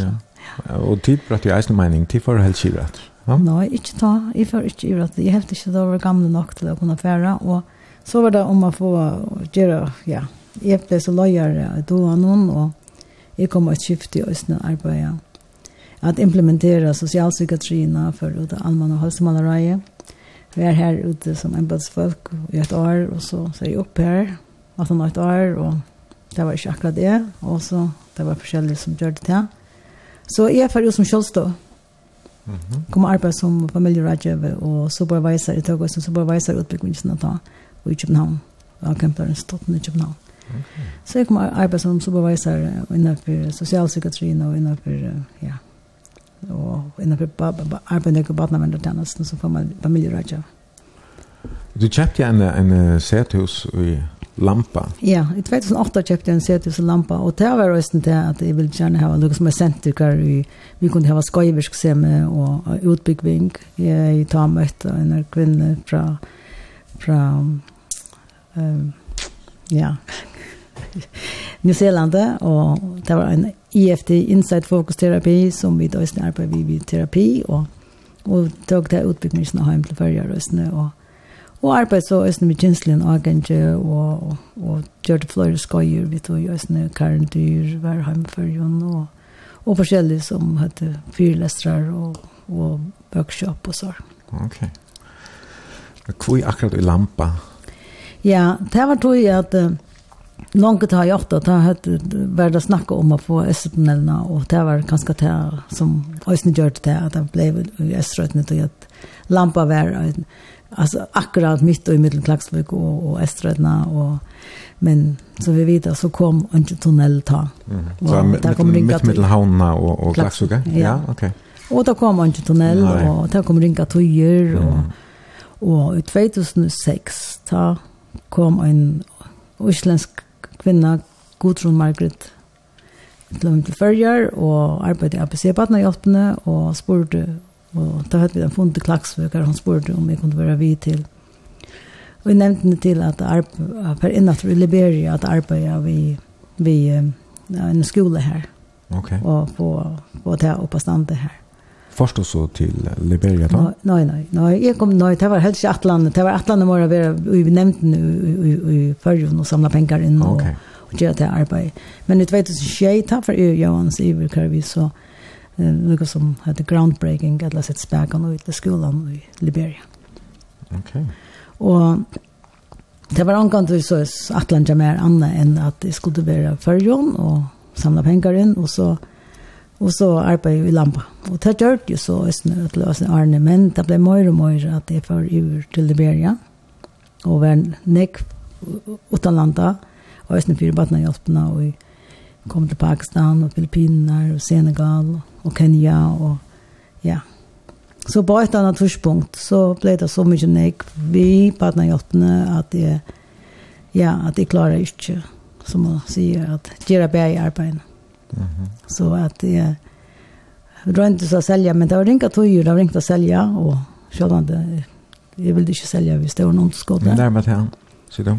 Hette är så ut 16 och okay. att jag började så lyckas man snacka om att vi måste välja vad det skulle till att Ja. Och här är det ringt vi ta att släppa Liberia. Tog jag det var kom in till Liberia och ehm alltså då har vi fötter i Liberia och folk här och i hejen och såna ja, alltså Liberia ligger man rävligt att ta hjärta så jag hade det är ett fantastiskt land och fantastiskt folk och så en realist en gå mening vi tog i arbeten. Självt om jag helt ösne att det var meningsfullt det som jag gjorde i Lampa slett inte det. Ja. Men du sålde så husen här i Lampa och... I vet 2019, okej. Okay, så yeah. tog nu grej. Ja, så tog nu grej. Men det var små pasta för grik ja, när jag fälla ja. Så det är nylagt nu är snälla. Ja, ta ta fälla blev blev så ja, alltså så någorlunda nylagt. Jag kommer arbeta. Jag synte vi vi ja, jag synte vi arbetar synte privat då men det är nästan inte nu. Mhm. Ja. Aber sehr partnerhjälpen. Kvärt kvart eller som arbeid i Liberia kvart er det som tid har sett i gang det her? Alltså vi inte fick pengar till att göra en skola här. Och, som, en vanlig fakkaskole, eller Ja, det var en vanlig skole. Og vi finner også penger fra menneskehjelpen, eller fra landstøren, og tannskolen. Så det ble altså, en syrkelig søve vi at, at det var en som, som, ja, som, som fører oss der vi skulle og Och det är så vi en rättarsärk och vi har arbetat vi har finnet skolan att till böten i Liberia. Är det en afrikaner? Eller? Ja, en afrikaner. Mm. Okay. Och det er ikke etnast. Men uh, i 2014 kom så Ebola mm. till Liberia. Och, och ta och vi och vi har varit i Battenheim och Batten är blev vuxen och Battenheim skal stånja på ett tidspunkt. Mm Og vi lukka badneheimen ta 14-15, og Badne for å lukke som Øysteheim privat til, til nøkere av sånne her startsfaknån, og andre fyrir langt familie, og andre større nok til å være bygge for seg selv. Og så begynner vi at uh, tega til foreldre lese bøttene at han har i båda. Mm -hmm. Og badnehjelpen i det er, jeg var en 200 bøttene i skolen, og i, i Liberia. Men Og kjallaveren av ætlenisene her, og i ætle årene, jeg har jeg og ætlenisene arbeid nek med kvinnen, og det har vi gjort ætle årene i ætlenisene, og vi er trobare og arbeid med kvinnepolitikker er nekka som jeg må større AHA, og vi går til bøten skola, men det var ikke ætlenisene av nek bøten som før skola, det var sveng, tog at mamma hadde ikke med, med at hjemme, så da begynner vi tog at jeg, jeg började jag att hjälpa mamma någon vi och snäpp på sitt egna lilla handel. Mm. Och det var mer som jag mun en egna antikon när det gjorde det. Okej. Okay. Och i 2018 ta gavs det vi vattna hjälpene och och arbeid och stående så Miriam mm -hmm. och som nu är en fällskapor, hjälpfällskapor och och och stäsätter östen i Liberia. Mm. Arm för att prata mer om Miriam. Mm så får jag spela en sang. Um, men när vi får spela han så kunde jag också mig lägga sport en del ett som inte har tar så snack om men som är vidare ölja utbrett i Afrika och utan man alla flesta landen någon hur så det här i självreisen jag vill till korruption tog gratis för oss när vi skolan att att ägarfällskapet han knappt glapp lukar som tikkun av hånden tror jag då onkel är ganska fuska inte vi vi onkel på pojlen och så vidare. Men hur så annars um, Jag det här var en avbjörning guys nu hooks ich bara Liberia nu hooks jag är nära stan i Afrika alltså till att uh, kunna fungera i Afrika ska man vita hur så tänker hänga samman och vara klar över att att du ska betala ångstandes för att få få något tänka jag nu. Långt i Botswana ta upp det og vidda Øysten ta, Øysten Liberia där vi var her, men slett ikke, ta mån til er det. Det har vuxit så rævlig, rævlig nek mer enn ta, ta, ta vi var første for oss Okay. Og kanskje krutje har vi gjort det her Øysten i, i Liberia, at det er så rævlig korruption. korrupsjon, altså. Så at det har omgang gjort opp vi lukka som krutje nekver av dem som var herløyer ta er i øyne i politikken og det har omgang vi lukka som dømte for det som det har gjort da. Nekver av sånne her badnesoldatene er, er menn, unge menn og, og kvinner i det og alle har liv og gjennom sånn hva er det rett og hva skapet, altså det er over medelen jeg går Ja. Da ser vi alle menneskene. Ikke bare skolen til åkken. Jeg har også kjøpt gjør så igjen, for å kunne bytte skolen til Myrja. Og til det samme. Vi har kjøtt på hjørnet, og Eit nu Thinkers Village, som vi nu røyna på Petro i Øysene, Thinkers Village. Vi har kjøpt hjørna, men en annen kyrkje har Øysene kjøpt hjørna. Vi sender vi tvøymon, tvøymon. Ok, så det har sett det som hjørna ganske tverfer. Tverfer, og det er ikke uvanlig. Mm. Nu har vi så så köpt några andra och vi det blir inte bitcha och det är akkurat som ett här kvar första bitcha det som är första bitcha det lukar som han hever det, det röda korsen i handen ja. Ja. Det som hände i barnhjälpen det var det att det blev byggt av och vi betalte skolan men Jörgen det var ett annat kött det var inte två kött här. Mm. Och så att det är redan en klubb alla människor. Alltså det, det är inte bara gör det är alla människor. Nej, nej, nej. Hvis jeg kommer og spyrer henne for retning hva det koster, akkurat, så får jeg en prøys, og kommer en afghaner som, noen som ikke kjenner, som ikke vet at jeg har sendt henne inn, så får han en annan prøys. Mm. Du kan stå for inn og si, jeg skal, jeg skal ha, jeg skal bytte til at jeg kan jeg få vite hvordan det koster. Så får jeg ganske en, en, en lista i hva det koster, og en annan for inn og for en annan lista. Mm. Så jeg kan helst ikke trykke på kvitteringer, jeg kan ikke skikke på nægget som, som jeg får i håndene. Mm.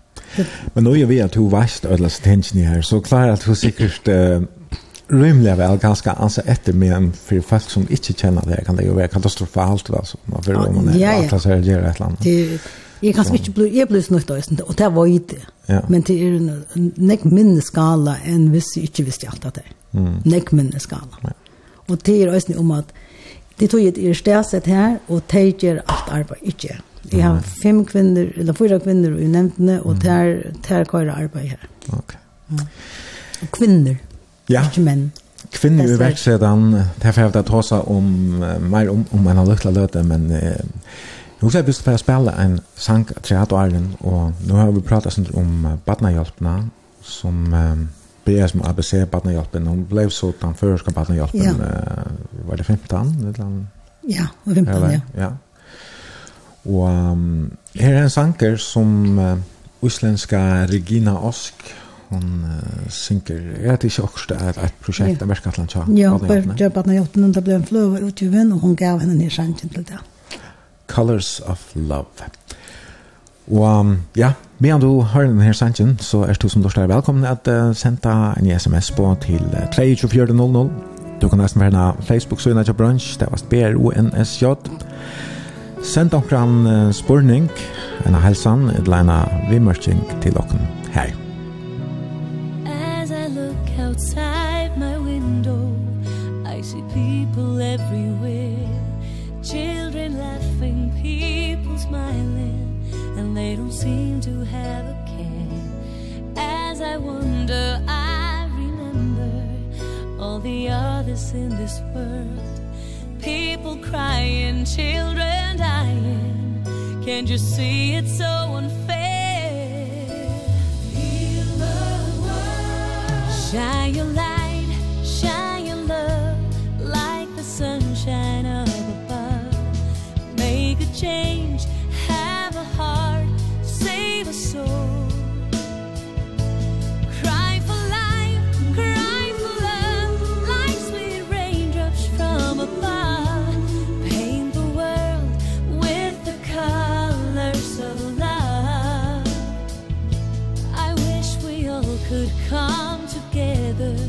I wish we all could live as one. Find a heart and make it better. Find the time to heal the world.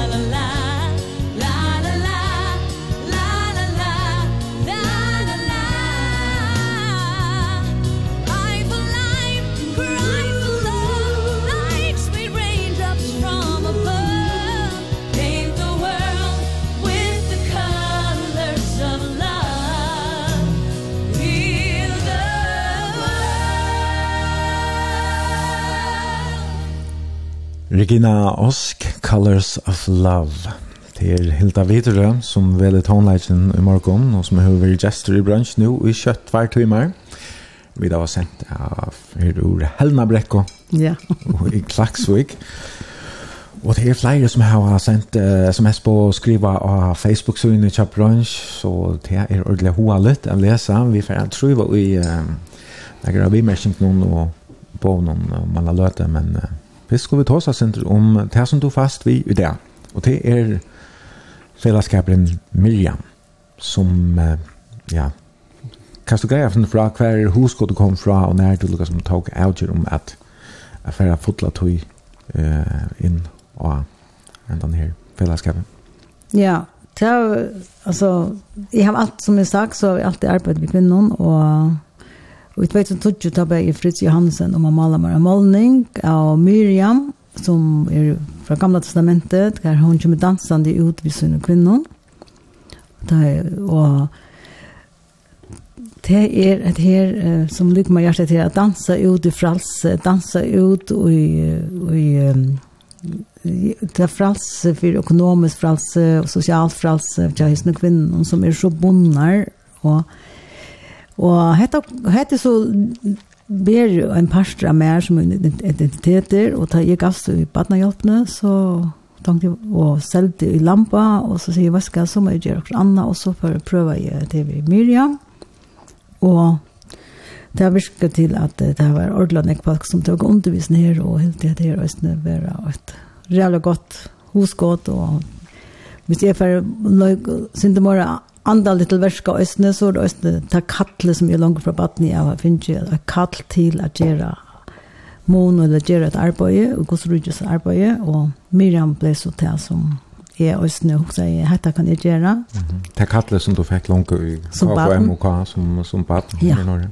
Og det har vært lukket som det har blitt stedfest til at hvis jeg hjelper mamma noen, så hjelper jeg også bøtten noen, og så og hjelper man en av mamma så, og bøtten, og så hjelper man en høylere bygd, og Det er jo det som er lukket som fikk øyne her ute fra Liberia, da Jack så ytla vi nekvån her ute, og øyne med badnehjelpene, og det var nekvåner avbjøringer og annet.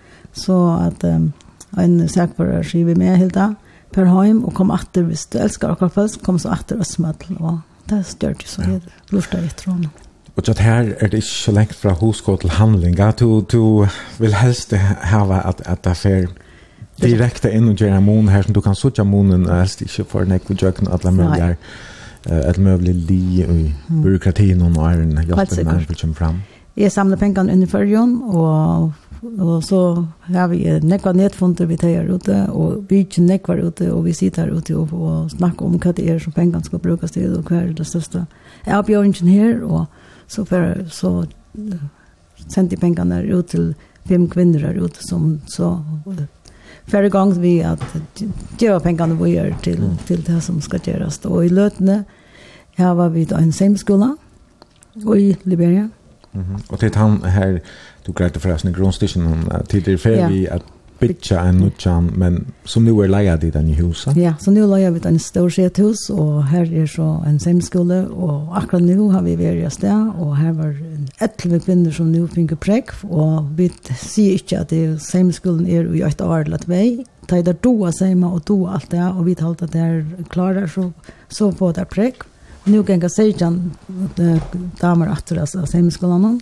Vi bytter en Mm. Det var så løs at Elsa Davisen, en vinkene og Jamer, og Elsa Sigurdsson i Klaksvøk, som bor der og minneska av Anja Taimon, til Gjæreferien skulle ferdig Myrja, og vi har så bygd enda skolan fyrsta byggesti grunden er og vi kom upp på det så nu er det tar pengene brukter så spør vi så nu heter är samling så pengar inn til nästa byggesti som Så vi får att när regnet det. Nu regnet och jag ute så allt ständer bara stilt. Okej. Okay.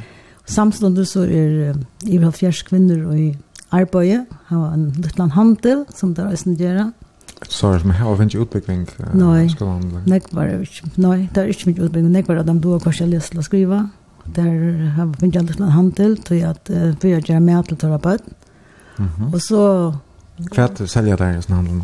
Nei, var selger kål, så fær ut i busken etter kåle, og så selger der små og mangton, og så selger der østene alt mulig grønnsaker og annet utenfor husen til dem selv, og nekvar selger selja allt alltså olja red oil som det på snod i bushen och så kommer det hem att och så säljer det red oil. Och det tänk sälja plastik och te plastiktallerskar och annat som det gänga vi runt om och ångte kör och det alltid en trillebörre och så säljer det runt om ut och i parsten och så här som det bygg var. Mm -hmm. Och i Boilins någon här. Och det är så nok till att bötten förra. Alltså sväng, ja, blev få mätterna. Och mm. jag var i kväll för att tröndra bötten i Liberia. Mätte sång till att uh, mamma är klara för att vinna det här. Ja. Och det är för, i förrjun är det så att det är nek som stola arbeid og som stola øynere kvinner, Mana var lian så løs at vi kunne gjøre det. Okay. Bøttene ble sjuk og annet, så er vi ble snitt her og hjelpe dem. Hvis bøttene skulle i hospital eller på en, ja, på en operasjon og annet, så hjelper vi dem. Hvordan vi skolegang til bøttene? Eh, vi gjør ikke så rene på bøttene, hjelper vi gjør det, men vi Vi, vi hjelper nøkron bøttene, vi har en tredje bøtt som vi hjelper skolen. Mm -hmm. Skolan ofta är dyrer, men som är av sån här mamman om där tjänar så mycket näck nu att här kan att ta egna barn i skolan. Ja. Så det är ordentligt stort. Att det här för jag vända åter till um, den samma skolan.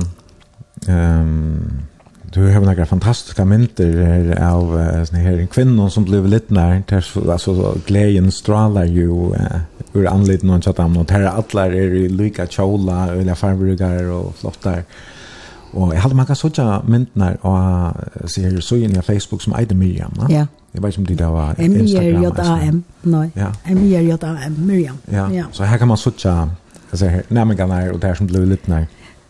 Men uh, det kan ikke annars blir så således at uh, att här brukar sämmaskiner men det är så här manuella tratchmaskiner som man brukte i förrjorna i snö för ja alltså så är det långt efter tiden ja. Ja. Og vi kjøper alt lokalt, og vi kjøper der her ute i semaskiner, tror vi det her var slett elektrisitet. Mm -hmm. Og så tar og det som øyne er ved skolen, at her skulle lære seg å trekke seg av, av maskinen, og så tar det litt nær skolen, så får de maskinene som en gave, og, og så ser man vi tøy som de kjøper ute, og det er så litfag vårt tøy, det elsker det litfag og tøy, og sånn. Mm -hmm. ja. Og jeg er sint ganske, jeg er sint rebelsk her, tror de oppe med at jeg er her brukt marskene som det nek brukt klæder kom av marsknaden som der så skulle, de skulle kjeipa seg klædene at. Oh, ja. Men jeg ser her, lokale klædene, jeg ser seg klædene, de halter nek langere, og nek flottere, og det er også noe hjelp på dem til å få et, ja, få en god og velvære at jeg kan seg meg, bare til sin kjøls og til sin familie. Mm -hmm. Og selge vågjør. Du um, brukar själv några såna här clownen. Ja, jeg elsker så klein, jeg hade det simpelt enn så mm det väl oj. og det er bomotl og det er är gå över oj och De sier meg alltid til min. Da jeg kom her, så, så, så så henger jeg klær. Du selger ikke fergen en ganger? Nei, ikke enn. Det kan skal være mat jeg samler penger. Det kunne jeg også være mat jeg samler penger, helt sikkert. Men jeg sier, hei, Eh kvinnorna tar få alltså sängmaskina vi hem och sax och kan det jag alltid du säger fem trus meter av stoff som är nog till touch chola. Touch chola ja. Alltså det är 6 yard som vi kallar och det är till touch lapa och en lapa brukar man ha batten i richen och så brukar man det är hvis man finner så ser man vad det är till blusa och en ny dollar så vad det är. Och det är liksom touch lapa som man säljer samman och På tutsi sånne. det tid fylltja så upp på seg her kvinner og færre eisen, og du vet att det är 18 år, för att uh, kan om det nu noe seima, om, om det ja. halda fram?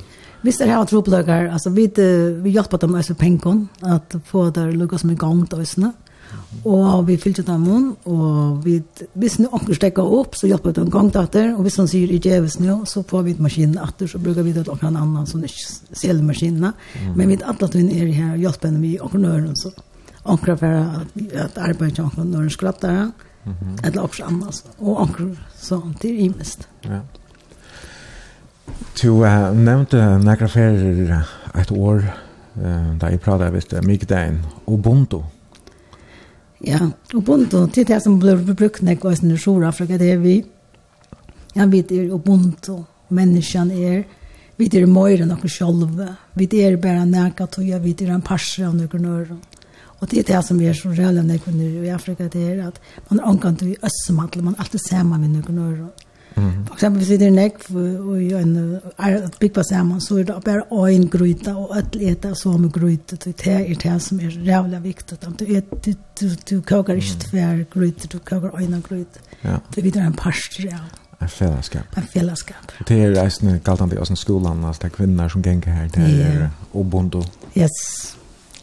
Og så kaka der og en dag så får jeg også noen tallersk. Ja. Helt sikkert. Ja.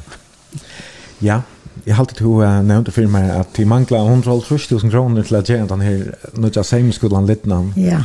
Og ja, pengene røkker lengt der i men sjåvann at man skal helst ikke man installerar nog inte centralvärma och oljefyr och sådär som man brukar lägga pengar på i förr. Nej, det tror jag att, att um, vi snackar om ett helt, helt annat belöp. Det tror jag mm. att det är, det är inte, inte tapet och sådana vet men det Nej. är flisar av golven och det är, ja, Ja. och loft och så men ja, man är näck ute här ja. och här sitter sig ute och säger mig isne. Jag vet att just en läckra ball på balkong och så där kan sitta ute och isne och så ja ja det är så Så det här körer det här projektet i Liberia. När först du är här själv efter? Ja, akkurat kom natter. Jag var inte ordentligt när färdig. Jag ska till Kenya i, i nästa månad.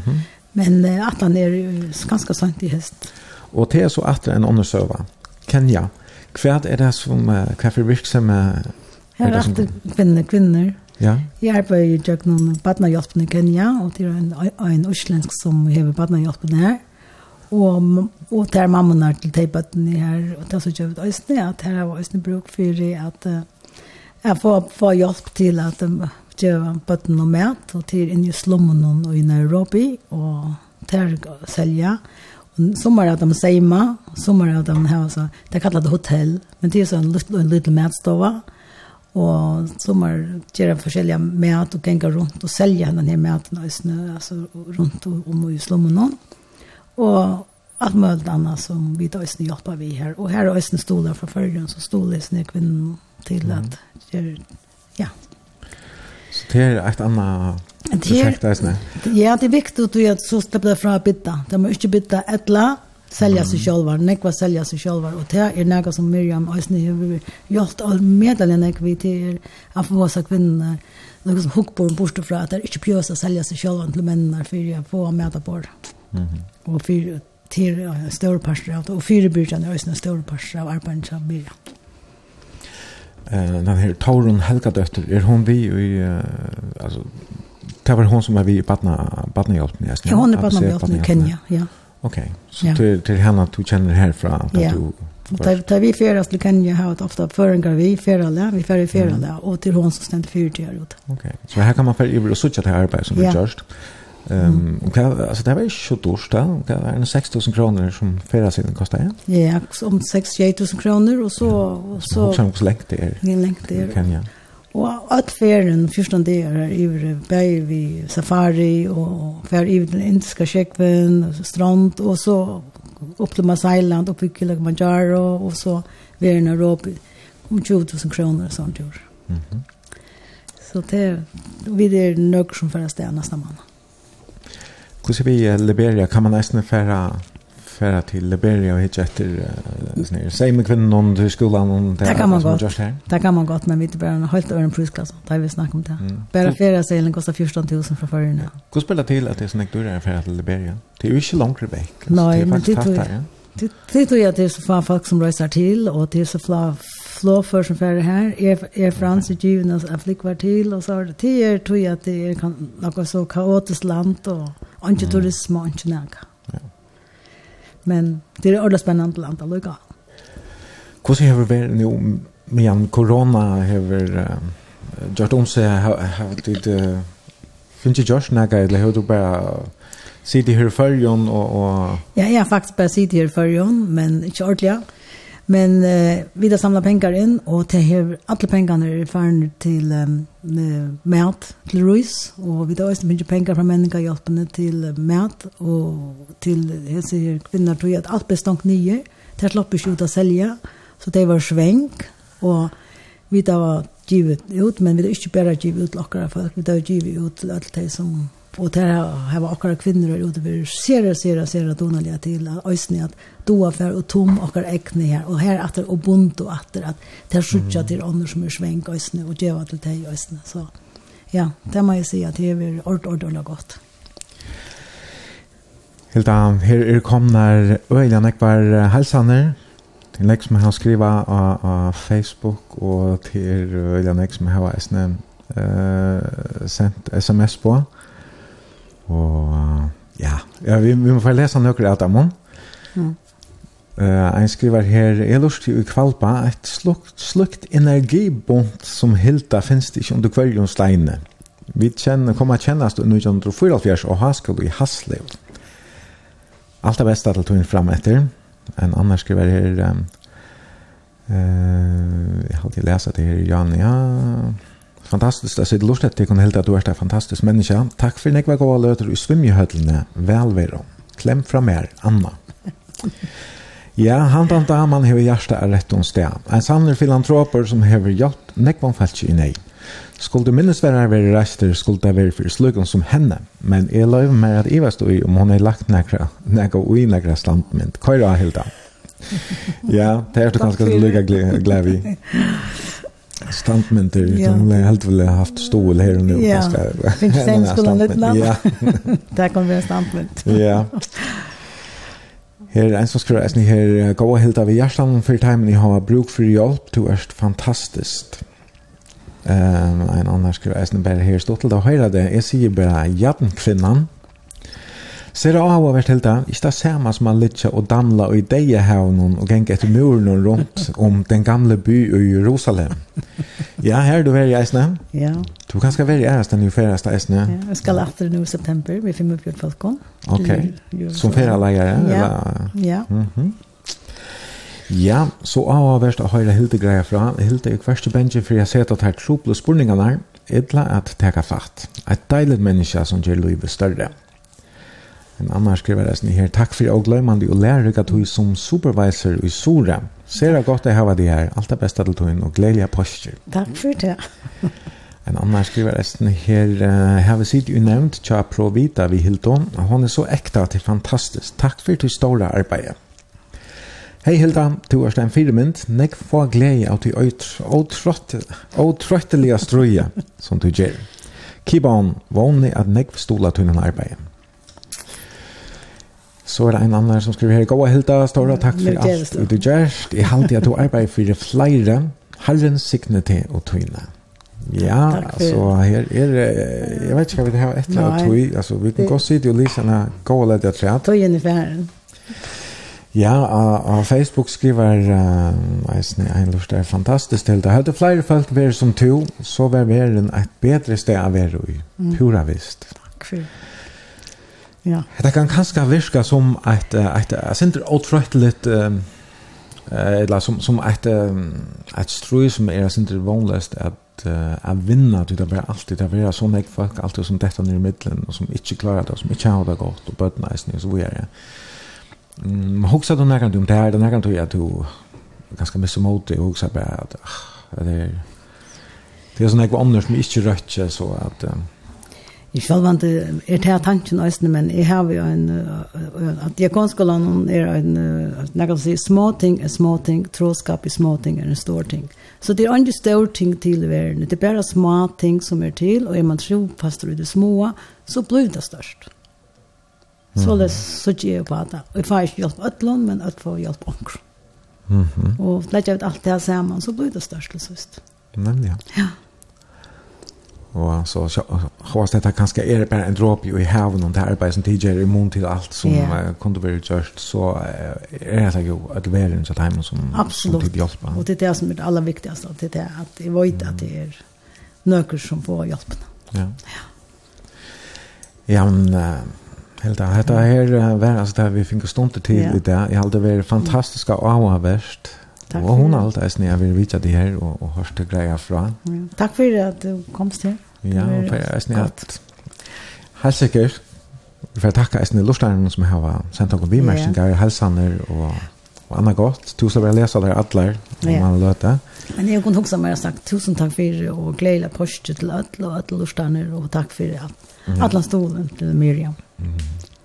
Vi får helt enda vi er noe sanje til er, uh, er Martin Johansen og Oliver Høygaard som sammenfører sanje ikke 8 Ja, 8 er en fantastisk sanger, og det är utan utan tryggna på att jag att jag får hjälp av det Jesus som ger avväxten annars så annars var inte. En annan för tack för Hilda. Hetta var alltså det vi hade att borra vi i brunch här så väl just över Hilda vidare. Jeg er Jeff Jensen og vi hade vi brunch og nå kan gjester det komma till lära där klockan 5 minuter över 12. Tack till som lustar og och glädjeliga pastor att sommar.